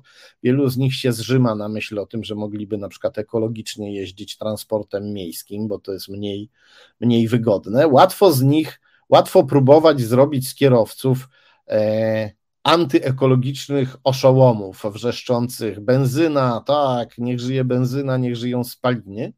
Oczywiście nie wszyscy kierowcy są tacy, ale mm, w tej grupie można próbować niektórych ludzi prowokować, wmawiać im, że Zachód oszalał, że Zachód idzie na jakieś absurdalne ekologiczne nowinki, zamiast trzymać się starej dobrej ropy i starego dobrego smogu, i można z tych ludzi wyhodować kolejną porcję polskiego elektoratu dla Putina, no bo każdy, kto wspiera import e, ropy, wspiera nie tylko smog i przegrzewanie naszej planety, no ale wspiera także gospodarkę e, rosyjską. Co widzimy na dole tego skanu? Widzimy, że na dole tego skanu, na dole tego skanu widzimy, że pani e, Bielecka, pani Halszka Bielecka, właśnie jako liderka partii kierowców, jeździła po Dolnym Śląsku z Januszem Korwin-Mikkem, e, głównym antyekologiem w Polsce, ale także głównym wrogiem kobiet, zwolennikiem bicia kobiet, o czym Korwin-Mikke w sposób dość obsesyjny nieraz mówi o tym, że mąż powinien e, żonę bić, co mm, jakby to powiedzieć, no mm, budzi pewne podejrzenia często co do jego stanu umysłu albo co do jego E, tendencji seksualnych. Niektórzy mówią, że to jest człowiek, który ma takie tendencje, które się nazywa fachowo BDSM, czyli e, lubi e, przemoc w seksie, ale zamiast pójść do jakiegoś odpowiedniego klubu, on próbuje te swoje tendencje projektować na wszystkich mężczyzn. E, no ja nie chcę się, ja nie znoszę psychologizowania, nie chcę się w to wgłębiać. Dla mnie, e, jeśli chodzi o Korwina, ważne jest to, że on jest też zawziętym wrogiem Zachodu. Z czego to się nie bierze, z czego by to się nie brało? E, dla mnie najważniejsze jest to, jakie to przynosi owoce, i on jako wróg Zachodu mimo swojej osobliwej aparycji, osobliwego sposobu zachowania, ubierania się, no on przez pewien czas był dosyć skuteczny. Był taki moment, że młodzi mężczyźni go uwielbiali, niektórzy. Być może ci, którym się podobało, e, że ich zachęca do, e, do bicia kobiet. No i pani Halszka na pewien czas się całkiem blisko z Korwinem e, związała. Poproszę o kolejny skan. E, trafiła na e, afisze wyborcze razem z Korwinem w 2019 e, roku, ponieważ razem z nim objeżdżała Dolny Śląsk, mieli takie wspólne tournée w maju 2019 roku. To widzimy na górze, no a na górze widzimy to, o czym napomykałem wcześniej. Widzimy tutaj tendencje geopolityczne pana Korwin-Mikkego, które moim zdaniem są jeszcze e, bardziej interesujące niż jego mm, psychologiczne problemy, czy też tendencje seksualne. E, widzimy, że pan Korwin Mikke, e, widzimy, co pan Korwin Mikke mówił, co zresztą mówił wielokrotnie przy różnych okazjach. Korwin Mikke uporczywie twierdzi, że Putin, rosyjski dyktator, morderca Putin, byłby świetnym prezydentem Polski. No dobrze, ale e, na Korwinie się nie kończy e, historia polityczna pani Halszki. ponieważ Halszka Bielecka prezentuje nam się, prezentowała nam się najpierw jako kukistka, czy też kukizistka, potem jako twarda konfederatka, bo ci w Konfederacji, którzy wspierają Korwin-Mikkego, to jest takie najbardziej e, zawzięte skrzydło wśród konfederatów. Prezentowała nam się jako twarda konfederatka, ale jednak już w 2015 roku chwaliła PiS. Poproszę o e, kolejny skan. Mamy tutaj przykładowy, e, po lewej e, stronie na górze mamy przykładowy skan e, z mediów społecznościowych pani Hanny, gdzie ona zamieszcza artykuł pisowskiego portalu w polityce.pl, gdzie chwali błyskawiczne tempo rządu PiS, pożar w trzeciej RP, niszczenie Trybunału Konstytucyjnego to bardzo e, ciekawe, że już w 2015 roku chwaliła, chwaliła PiS. E, I tu się rodzi pytanie, czy już wtedy przewidywała, że e, PiS będzie dla niej bardzo korzystny, jako dla menedżerki zbierającej pieniądze. Albowiem, jak widzimy po prawej górnej stronie, PiS intensywnie finansuje e, ultraprawicowego bojówkarza Roberta Bąkiewicza. Na górze czytamy, że Bąkiewicz dostał 85 tysięcy złotych, poniżej czytamy, że dostał 3 miliony złotych, potem znowu jeszcze 2640, 264 tysiące, przepraszam, potem jeszcze 264 tysiące złotych dostała Straż Narodowa pana Bąkiewicza. A na samym dole tego e, skanu, e, jeżeli nasza realizatorka Angela, o właśnie, pokazuje nam dół skanu, bardzo dziękuję. Angelo, jesteś e, znakomita.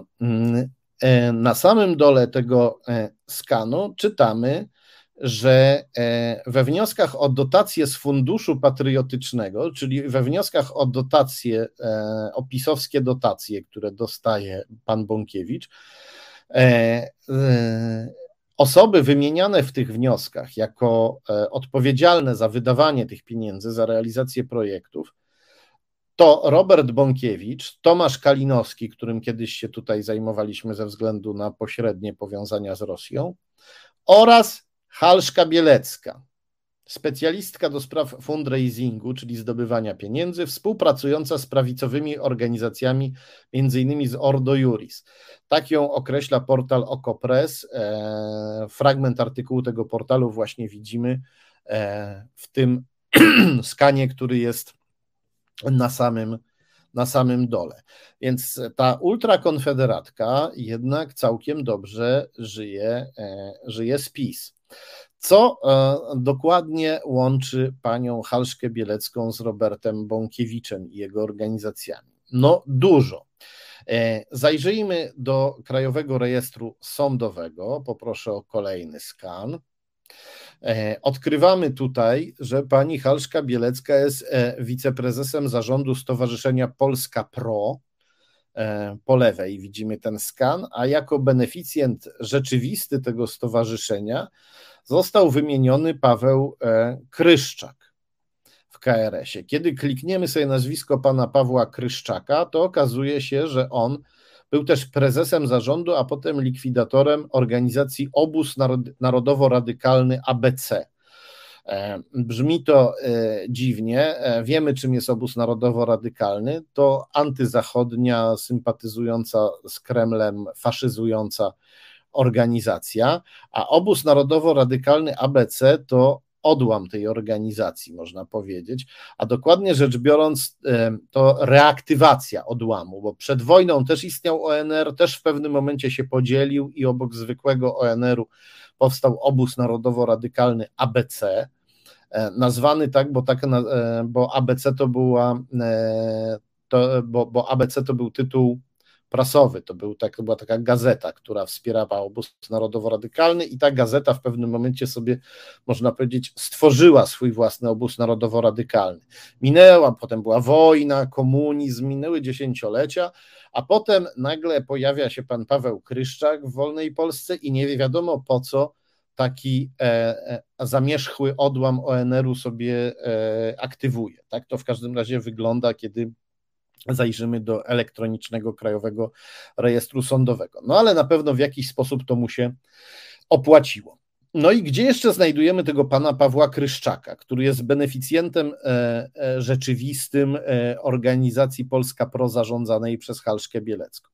No pana Pawła Kryszczaka znajdujemy również w rotach niepodległości Roberta Bąkiewicza, bo Robert Bąkiewicz założył sobie również organizację, która się nazywa Roty Niepodległości i w prawej dolnej części skanu, w skanie, który jest po e, prawej stronie na dole, we fragmencie artykułu Gazety Wyborczej czytamy, że Paweł Kryszczak, prezes ONR ABC, kieruje mazowieckimi strukturami ROT e, niepodległości. ROT niepodległości pana Bąkiewicza. Ten sam Paweł Kryszczak kieruje rotami Bąkiewicza na Mazowszu i równocześnie jest jakby na samym czubku organizacji, którą organizacji Polska Pro, którą zarządza pani e, Halszka Bielecka. E, jak się to wszystko przekłada na aktywność Halszki Bieleckiej w mediach społecznościowych? Poproszę o kolejny skan. No, e, e przekłada się w sposób niesłychany. To, co Państwo widzą, to jest tylko drobny fragment tego niezwykłego, nie wiem jak to nazwać, bąkiewizmu, bąkarium, czy też bąkoramy, tej panoramy dokonań Roberta Bąkiewicza, którą można na profilu facebookowym pani Hanny Halszki Bieleckiej podziwiać. E, e, pani Halszka Bielecka Bąkiewiczem zachwyca się nieustannie, informuje o jego poczynaniach, E, informuje o tym, że Bąkiewicz będzie bronił kościołów, że Bąkiewicz będzie zwalczał gender. Informuje też, że Bąkiewicz obroni Polskę przed łapczywymi Żydami, którzy chcą nam odebrać naszą własność. Czyli jak widzimy, pani Halszka Bielecka szerzy nie tylko antyukrainizm, ale też e, e, antysemityzm. Również przed tym nie ma tutaj żadnych oporów.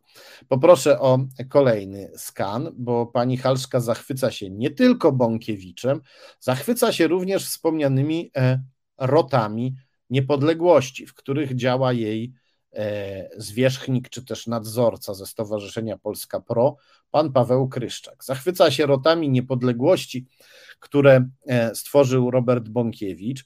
Tutaj widzimy po lewej stronie ten większy skan, widzimy polską rodzinę, ku której zbliża się wielka tęczowa łapa, aby ją zniszczyć przed tą tęczową łapą.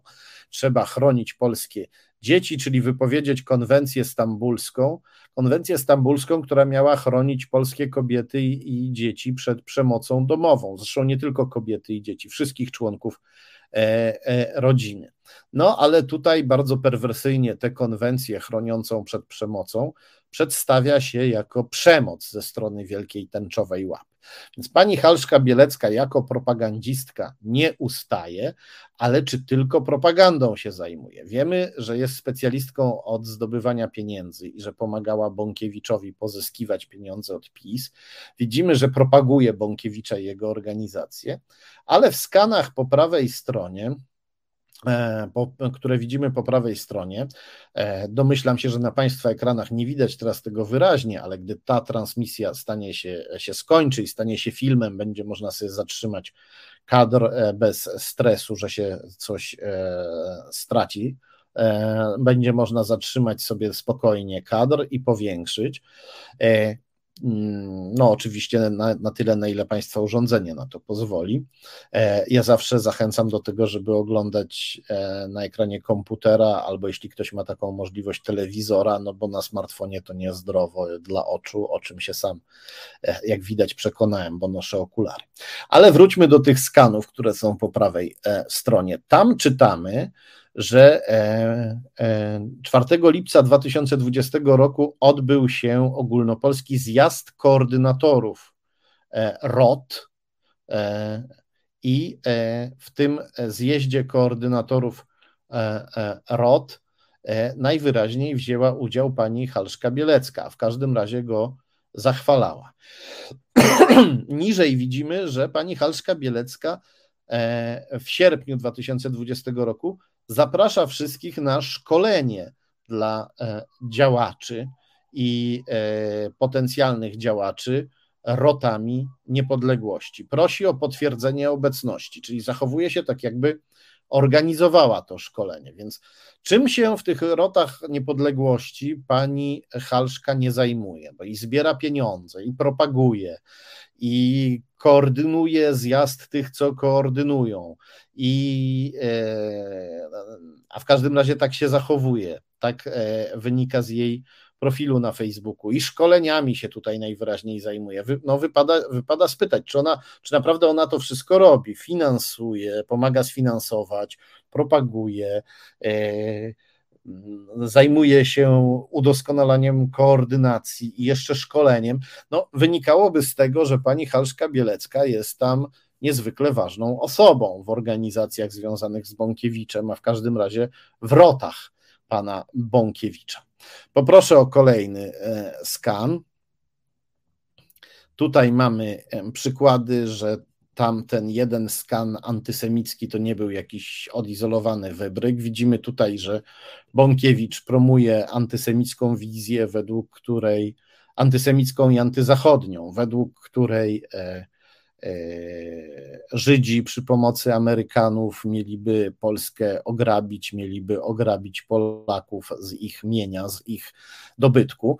Nie wiem, czy Państwo pamiętają, no ale tutaj fetyszyzowano e, uchwałę Kongresu Stanów Zjednoczonych, uchwałę numer 447, która e, nie zobowiązywała Polski do niczego i właściwie nie zobowiązywała również Stanów Zjednoczonych do jakichś intensywnych działań. Chodziło tylko o monitorowanie, e, w jaki sposób poszczególne kraje e, świata odnoszą się do spadkobierców ofiar Holokaustu i, i, organizacji, i organizacji żydowskich. Zrobiono z tego, nakręcono wokół tego, wokół tej uchwały gigantyczną histerię w Polsce. No może nie, nie gigantyczną, usiłowano rozkręcić gigantyczną histerię w Polsce, co się nie do końca udało, bo Polacy są mądrzejsi niż antysemici myślą, dzięki Bogu. Ale tutaj Bąkiewicz właśnie mówi, widzimy po prawej stronie ten skan, jest cytat z Roberta Bąkiewicza, który pani Halszka Bielecka zacytowała, podała dalej. Bąkiewicz mówi, jeśli posłowie nie będą mieli ochoty bronić Polski przed gigantycznym wyłudzeniem, rozpoczniemy szeroko zakrojone akcje protestacyjne. No one nie do końca wyszły, mimo tych e, wielkich pieniędzy, które PiS pompuje przy pomocy pani Halszki Bieleckiej w Bąkiewicza.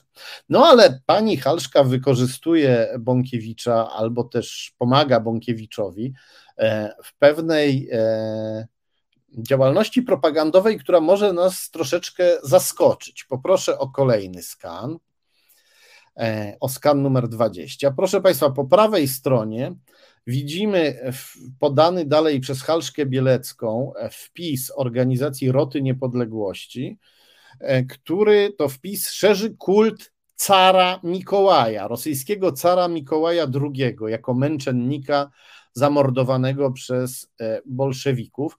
I to jest prawda, że bolszewicy cara Mikołaja zamordowali, natomiast również car Mikołaj mordował. E, może nie tak intensywnie na pewno jak bolszewicy, ale też był zbrodniarzem. Jego reżim był zbrodniczy. Rosja za czasów cara Mikołaja była więzieniem narodów. Car Mikołaj robił co mógł, żeby powstrzymać ówczesne próby e, demokratyzacji Rosji. E, naraził też, e, wchodząc w I wojnę światową, naraził setki tysięcy rosyjskich żołnierzy na śmierć, a Rosję, a Rosję na nędzę. Nie jest to człowiek, nad którym powinniśmy się użalać, choć oczywiście zamordowanie go E, nie było e, niczym dobrym. Powinien był stanąć przed sądem i to nie bolszewickim, tylko demokratycznym i niezawisłym. A jednak pani Halszka Bielecka razem z rotami niepodległości pana Bąkiewicza nam tutaj e, prezentuje cara Mikołaja no, jako ofiarę, której męczeństwo wymaga upamiętnienia. To jest bardzo ciekawe, bo ja długo E, szukałem jakichś rosyjskich powiązań między kogoś, kto byłby takim rosyjskim łącznikiem u boku Roberta Bąkiewicza i przyznam się, że nie znajdowałem. Nie miałem pojęcia o pani Halszce Bieleckiej i gdyby nie ta jej e, wypowiedź e, na temat ukraińskich dzieci, prawdopodobnie nie znalazłbym jej nigdy, albo dotarłbym do niej na przykład dopiero e, za rok. No więc wypada tutaj być, dostrzec jednak jakieś E, e, jakiś pozytywny aspekt tej obrzydliwej wypowiedzi, która tak naprawdę nie ma żadnych pozytywnych aspektów, no ale pozytywnym aspektem jest to, że dowiedzieliśmy się czegoś więcej o Bąkiewiczu i o e, zależnościach, o sieciach wpływu pomiędzy Bąkiewiczem, ONR-em, Konfederacją PiS, Ordo Juris. Między nimi jako taki łącznik pojawia się pani Halszka Bielecka. I tu można spytać, skąd ten e, kult e, zamordowanego zbrodniarza cara e, Mikołaja. I tu odpowiedź znajdziemy po lewej stronie skanu. Po lewej stronie widzimy, widzimy skan, widzimy skan wpisu, który pani Halszka Bielecka zamieściła 17 lipca 2019 roku na swoim profilu na Facebooku to jest e, e, wpis wydawnictwa Wektory, e, zachwalającego książkę Ostatnie dni Romanowów. Wydawnictwo Wektory tutaj celebruje 101. rocznicę mordu rodziny carskiej Romanowów, rozdając kody rabatowe na książki poświęcone E, carowi Mikołajowi i, jego, e, jego zamordowaniu. No, no, tutaj we wpisie widzimy jedną książkę, ale niżej jest napisane, że chodzi o książki, więc pojawia się pytanie, czy wydawnictwo Wektory tak co jakiś czas wydaje książkę o carze, e, o carze Mikołaju. I wydawnictwo Wektory bardzo, kiedy to zobaczyłem, to no, można powiedzieć prawie, że podskoczyłem, bo zrozumiałem, jak tutaj pewne przepływy ideologiczne e, e, mogą, można wyznać, prawie że wy, od razu zobaczyłem, że jest możliwość, aby wyznaczyć jakąś trasę, szlak, e, jakieś odgałęzienie sieci wpływów, dzięki któremu szerzy się w Polsce kult Mikołaja i ideologia prorosyjska, ponieważ wydawnictwo Wektory należy do Józefa Białka. Józefa Białka, o którym mowa była też w książce Morawiecki i jego e, tajemnice. Poproszę o kolejny skan. Okazuje się, gdy przeglądamy profil pani Halszki, że Halszka Bielecka e, intensywnie reklamuje również e, Józefa Białka i wydawnictwo Wektory. To tylko niektóre ze to skany, to tylko skany niektórych wpisów które znajdujemy na jej profilu, tych skanów dotyczących Józefa Białka, właściciela wydawnictwa Wektory, jest więcej.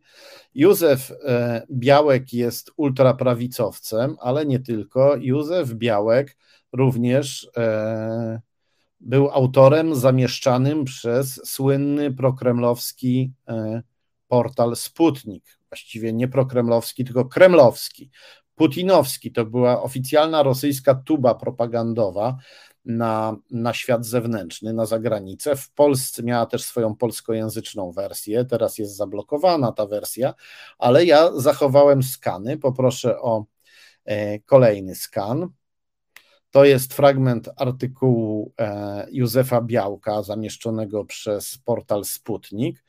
E, tutaj Józef Białek Cieszy się, że Polska PiS chce współpracować z totalitarnym reżimem Chin, ale e, płacze nad tym, że e, e, po napaści Rosji na Ukrainę stos grozi e, Rosji jakieś embargo ze strony Polski albo ze strony Unii Europejskiej, a tymczasem przecież droga do Chin wiedzie przez Rosję i jeśli chcemy żyć dobrze z Chinami i handlować z Chinami, to musimy, to musimy żyć dobrze z Rosją, bo przez Rosję będzie biec chiński nowy jedwabny szlak. To jest bardzo ciekawe. I w dalszym fragmencie tego artykułu poproszę o kolejny skan.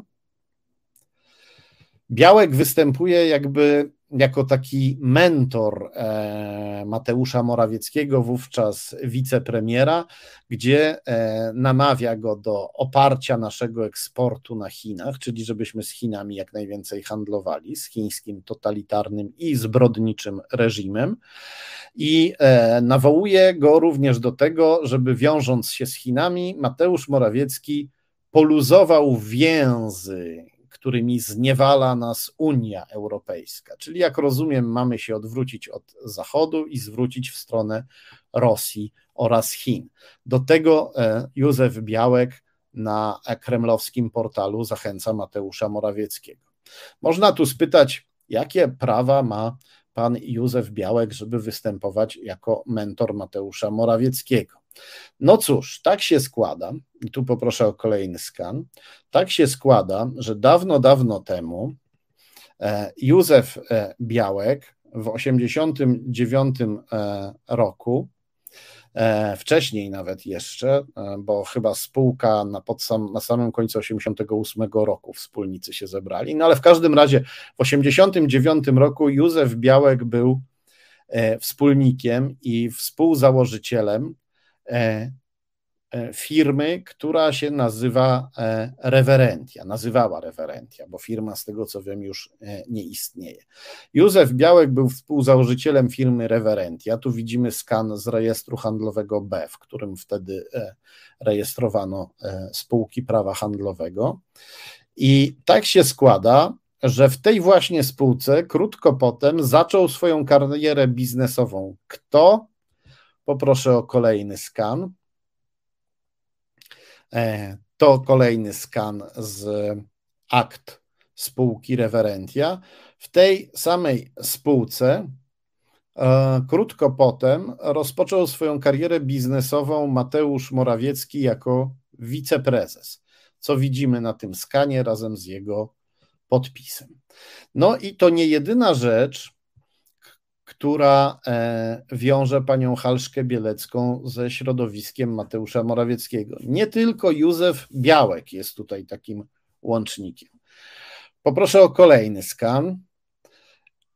Tak się bowiem składa, że pani Halszka Bielecka, jako e, polityczka Kukiz 15 we Wrocławiu, była pupilką e, głównego wówczas polityka Kukiz 15 w tym mieście, mianowicie Kornela Morawieckiego. I to również znalazło odzwierciedlenie nie tylko na jej profilu facebookowym po lewej, ale również widzimy, że e, TVP pokazywało e, w 2015 roku jako wrocławskich przedstawicieli Kukiz 15, pokazywało obok siebie Kornela Morawieckiego, o którym jest mowa w skanie, którym widzimy po prawej, i pokazywała Halszkę e, Bielecką, e, która wtedy w kontekście uchodźców przybywających do Polski twierdziła, że uchodźców e, nie można w Polsce przyjmować, bo nie mamy takich możliwości. Robiła to razem z Kornelem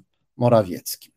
No, Wszyscy wiemy, kim był Kornel Morawiecki. E, wiemy, że w 2018 roku występował i w polskich, i w kremlowskich mediach e, w Rosji i e, namawiał swojego syna i namawiał PiS do otwartej, jawnej przyjaźni z Putinem. E, wiemy także, że w 2014 roku, o czym jest mowa w tej książce, e, Kornel Morawiecki wydawał e, gazetkę, która się nazywała Gazeta Obywatelska Prawda jest ciekawa. Na łamach tej gazety szkalował Ukrainę i bronił działań Rosji, bronił prorosyjskich separatystów. Gazetka była finansowana przez importera rosyjskich paliw. Ale nie wszyscy z nas wiedzą, że e, jednym z głównych inspiratorów Kornela Morawieckiego dawno, dawno temu, na przełomie lat 70. E, i 80. oraz w latach 80., kiedy to Kornel Morawiecki stworzył organizację Solidarność Walcząca, rozbijającą e, jedność antykomunistycznej opozycji. Inspiratorem tych działań Kornela Morawieckiego był Nikolaj Iwanow, który przyjechał z e, sowieckiej Białorusi. On zachęcał Kornela Morawieckiego do działań prowocy, pro, prowokacyjnych, na przykład takich jak stworzenie odezwy do e, sowieckich żołnierzy e, stacjonujących w Polsce. On też był łącznikiem między Kornelem Morawieckim a środowiskami rosyjskimi na zachodzie infiltrowanymi przez KGB. I tak się dziwnie składa, że, dota- że gdy dotarłem do e, akt Nikołaja Iwanowa w Instytucie Pamięci Narodowej, to się e, bardzo zdziwiłem. Poproszę o kolejny skan. To jest e, fragment notatki e, służbowej poświęconej Iwanowowi.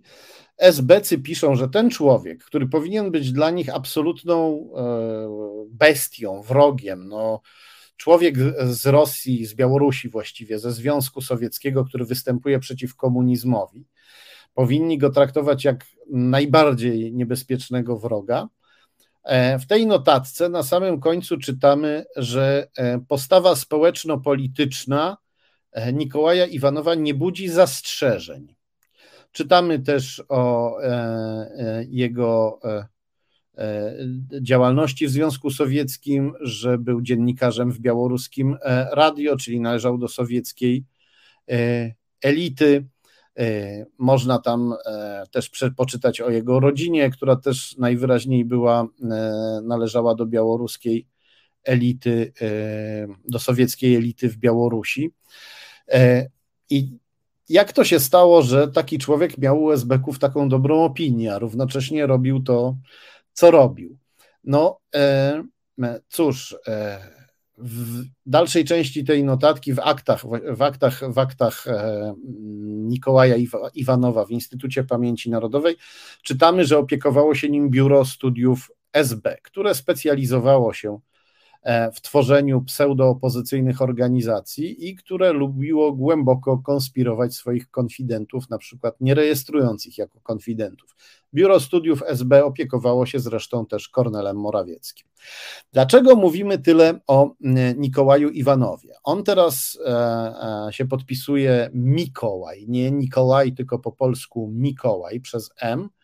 On działa w Polsce i on nie zerwał związków z Kornelem Morawieckim. Poproszę o kolejny skan. Poproszę o kolejny skan. E, czytamy, że on e, czytamy, że on e, współdziałał z Kornelem Morawieckim i współdziałali obaj razem z organizacją monarchistów polskich, czyli z organizacją całkowicie antydemokratyczną, która, jak widzimy po lewej, zorganizowała mu spotkanie z czytelnikami, które prowadził Kornel Morawiecki. To widzimy po e, lewej stronie na górze.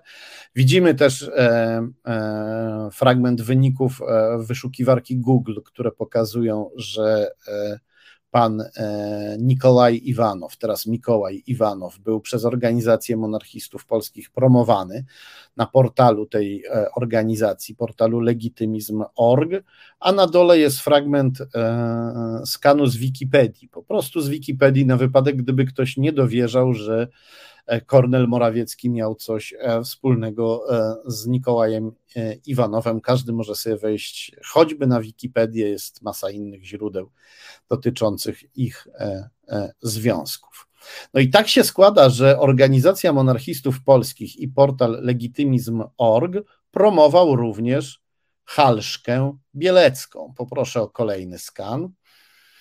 To jest, e, zaraz go powinniśmy zobaczyć. Tak, to jest kolejny skan, to jest wpis.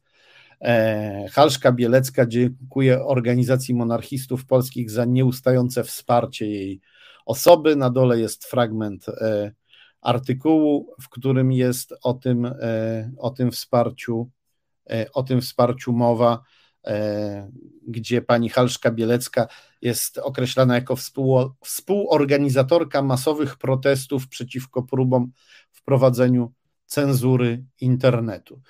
No, wiadomo o co chodzi. Chodzi o to, żeby ta cenzura internetu, z którą ona walczy, to zwalczanie kremlowskich fake, fake newsów i, i mowy nienawiści. E, co jeszcze znajdujemy na tym e, portalu legitymizm.pl obok promocji pana Iwanowa i promocji Halszki Bieleckiej? Poproszę o kolejny skan. Znajdujemy tam pochwały Grzegorza Brauna, który jest określany, który jest przedstawiany jako człowiek przytomny, jako człowiek, który jest prorosyjski, ponieważ e, uprawia chłodną refleksję i ta chłodna refleksja miała go doprowadzić do prorosyjskości. No, my wiemy, że większą rolę tutaj odegrał zapewne pan Sfiridow, wydalony z Polski za szpiegostwo. Poproszę o kolejny skan. E, kolejny skan z portalu legitymizm.pl. Tu możemy sobie poczytać e, o tym, że e, Zachód może nas w każdej chwili wystawić do wiatru. Niebezpieczeństwem dla Polski są aspiracje Ukraińców i Litwinów. E, zagrożeniem są Niemcy. W tej sytuacji naturalna staje się próba unormowania stosunków z Rosją. Żeby być sprawiedliwym, na tym portalu znajdziemy też artykuły potępiające Putina, ale przede wszystkim za to, że e, nie oddał władzy w Rosji carowi lub e, carycy. Jak widać, duch cara Mikołaja wiecznie żywy. Wróćmy do Krajowego Rejestru Sądowego i przyjrzyjmy się jeszcze przez chwilę pani Halszce. Poproszę o kolejny skan. Tutaj widzimy, że pani Halszka jest w stowarzyszeniu, które się nazywa Zdrowy Rozsądek, bardzo pięknie jest tam wiceprezesem, a w zarządzie stowarzyszenia po lewej stronie na górze widzimy jest pan Dariusz Szumiło. E, pana e, Dariusza Szumiło znajdujemy też po prawej stronie na dole, jest taka mapka, gdzie widzimy, że pan Dariusz Szumiło jest powiązany przez spółkę voteandc.com z Robertem Maurerem, a Roberta Maurera w skanie po prawej stronie na górze widzimy jako członka e, zarządu Fundacji Akademia Patriotów, gdzie jest kolegą pani Halszki Bieleckiej. Jak widać, Halszka Bielecka na różne sposoby jest powiązana z panem Szumiłą. Poproszę o kolejny skan. E, I znajdujemy go również jako znajomego pani Halszki na Facebooku. Widzimy od razu, bo pan Szumiło e, się z tym nie kryje, wręcz przeciwnie, widzimy go jako propagatora spiskowych teorii antyszczepionkowych, antykowidowych, e, jako człowieka, który e, no, namawiał innych, aby narażali swoje zdrowie i życie, nie poddając się szczepieniom ani testom. E, na, po lewej stronie na dole widzimy, że pan Szumiło twierdził, że dawanie dzieciom kolorowych maseczek to tresura, która skończy się tym, że dzieci będą miały wszczepione chipy w organizmie. Pomyślimy sobie wariat, no ale nie wariat, tylko znowu e, niestety polityk. Na dole widzimy go, jak występuje u boku Grzegorza Brauna na dole po prawej stronie. E, widzimy go, jak razem z Braunem, jako przedstawiciel partii Korwin, protestuje przeciwko e, wprowadzeniu e, obowiązkowych testów na COVID dla pracowników. Gdy przeglądamy jeden z profili pana Szumiło na Facebooku, bo ma ich więcej niż jeden, to odkrywamy też, że pan Szumiło promował e, samozwańczego lidera górali Sebastiana Pitonia, to widzimy po lewej, a po prawej widzimy, że pan Pitoń e, szerzył fake newsy na temat wojny w Ukrainie, twierdził, że USA i NATO są odpowiedzialne za tę wojnę, że wojska NATO w naszym kraju to okupanci, że Polską rządzą Amerykanie, e, którzy są też winni wojny w Ukrainie. No, czysta rosyjska propaganda. Zaraz musimy kończyć. E, mam tutaj tych materiałów na temat pani Halszki bardzo wiele, ale okazało się, że jest ich aż tyle, że się w dochodzeniu prawdy nie mieszczą. Więc na koniec dodam jeszcze, że ci znajomi Facebookowi są zupełnie nieprzypadkowi. No my często mamy przypadkowych znajomych na Facebooku, ale politycy startujący nieustannie w różnych wyborach, takich e, znajomych nie mają i wśród tych nieprzypadkowych znajomych na Facebooku, poproszę o kolejny skan, ostatni już dzisiaj, znajdujemy również Adama Wielomskiego. To nie ten, nie ten. Wrócił, o jest, jest, już mamy. Już mamy. Znajdujemy Adama Wielomskiego. Adam Wielomski i jego żona Magdalena Ziętek-Wielomska, polityczka Konfederacji, są znajomymi Halszki Bieleckiej. Pan Wielomski to wykładowca, który głosi, że e, Putin jest, Putin jest sojusznikiem polskiej prawdziwej prawicy, że prawica powinna iść w ślady Putina i zamykać do więzienia demokratów. I e, na górze po prawej stronie widzimy artykuł o korespondencji Wielomskiego z założycielem jawnie prokremlowskiej partii Zmiana, współzałożycielem jawnie prokremlowskiej partii Zmiana, Konradem Rękasem, gdzie pan Wielomski e, cieszył się z napaści Kremla na Ukrainę, wyrażał E, nadzieję, że e, Rosjanie wejdą też do Polski i powołają e, kolaboracyjny prokremlowski rząd, w którym to pan Wielomski mógłby być na przykład ministrem. Takie miał nadzieję. I to jest tylko drobna część tego, co się dowiedziałem o pani Halsce. Niestety nie zdążę opowiedzieć wam wszystkiego. Są powiązania bardzo ciekawe. Można ją znaleźć na przykład u boku Mariusza Dzierżawskiego, który e, był pierwszym patronem Kai Godek i wprowadził jakby zrobił z niej bohaterkę, w cudzysłowie oczywiście, e, ruchu antykobiecego, antyaborcyjnego. Będziemy być może do pani Halszki jeszcze wracać, bo ona jest bardzo ciekawą osobą pomiędzy PiS, Konfederacją i innymi prorosyjskimi e, organizacjami, można powiedzieć, zwija się jak fryga między nimi, zwija się między nimi i robi dla nich bardzo dużo. No ale musimy już kończyć. Z żalem się z Wami rozstaję. Ogromnie Wam dziękuję. Przypominam, że na stronie wydawnictwa Arbitror można kupić wstrząsającą książkę Marka Zagrobelnego Pokochać PiS. Bardzo Wam Dziękuję. Super, że jesteście. Za chwilę prawoteka, a my widzimy się i słyszymy za tydzień.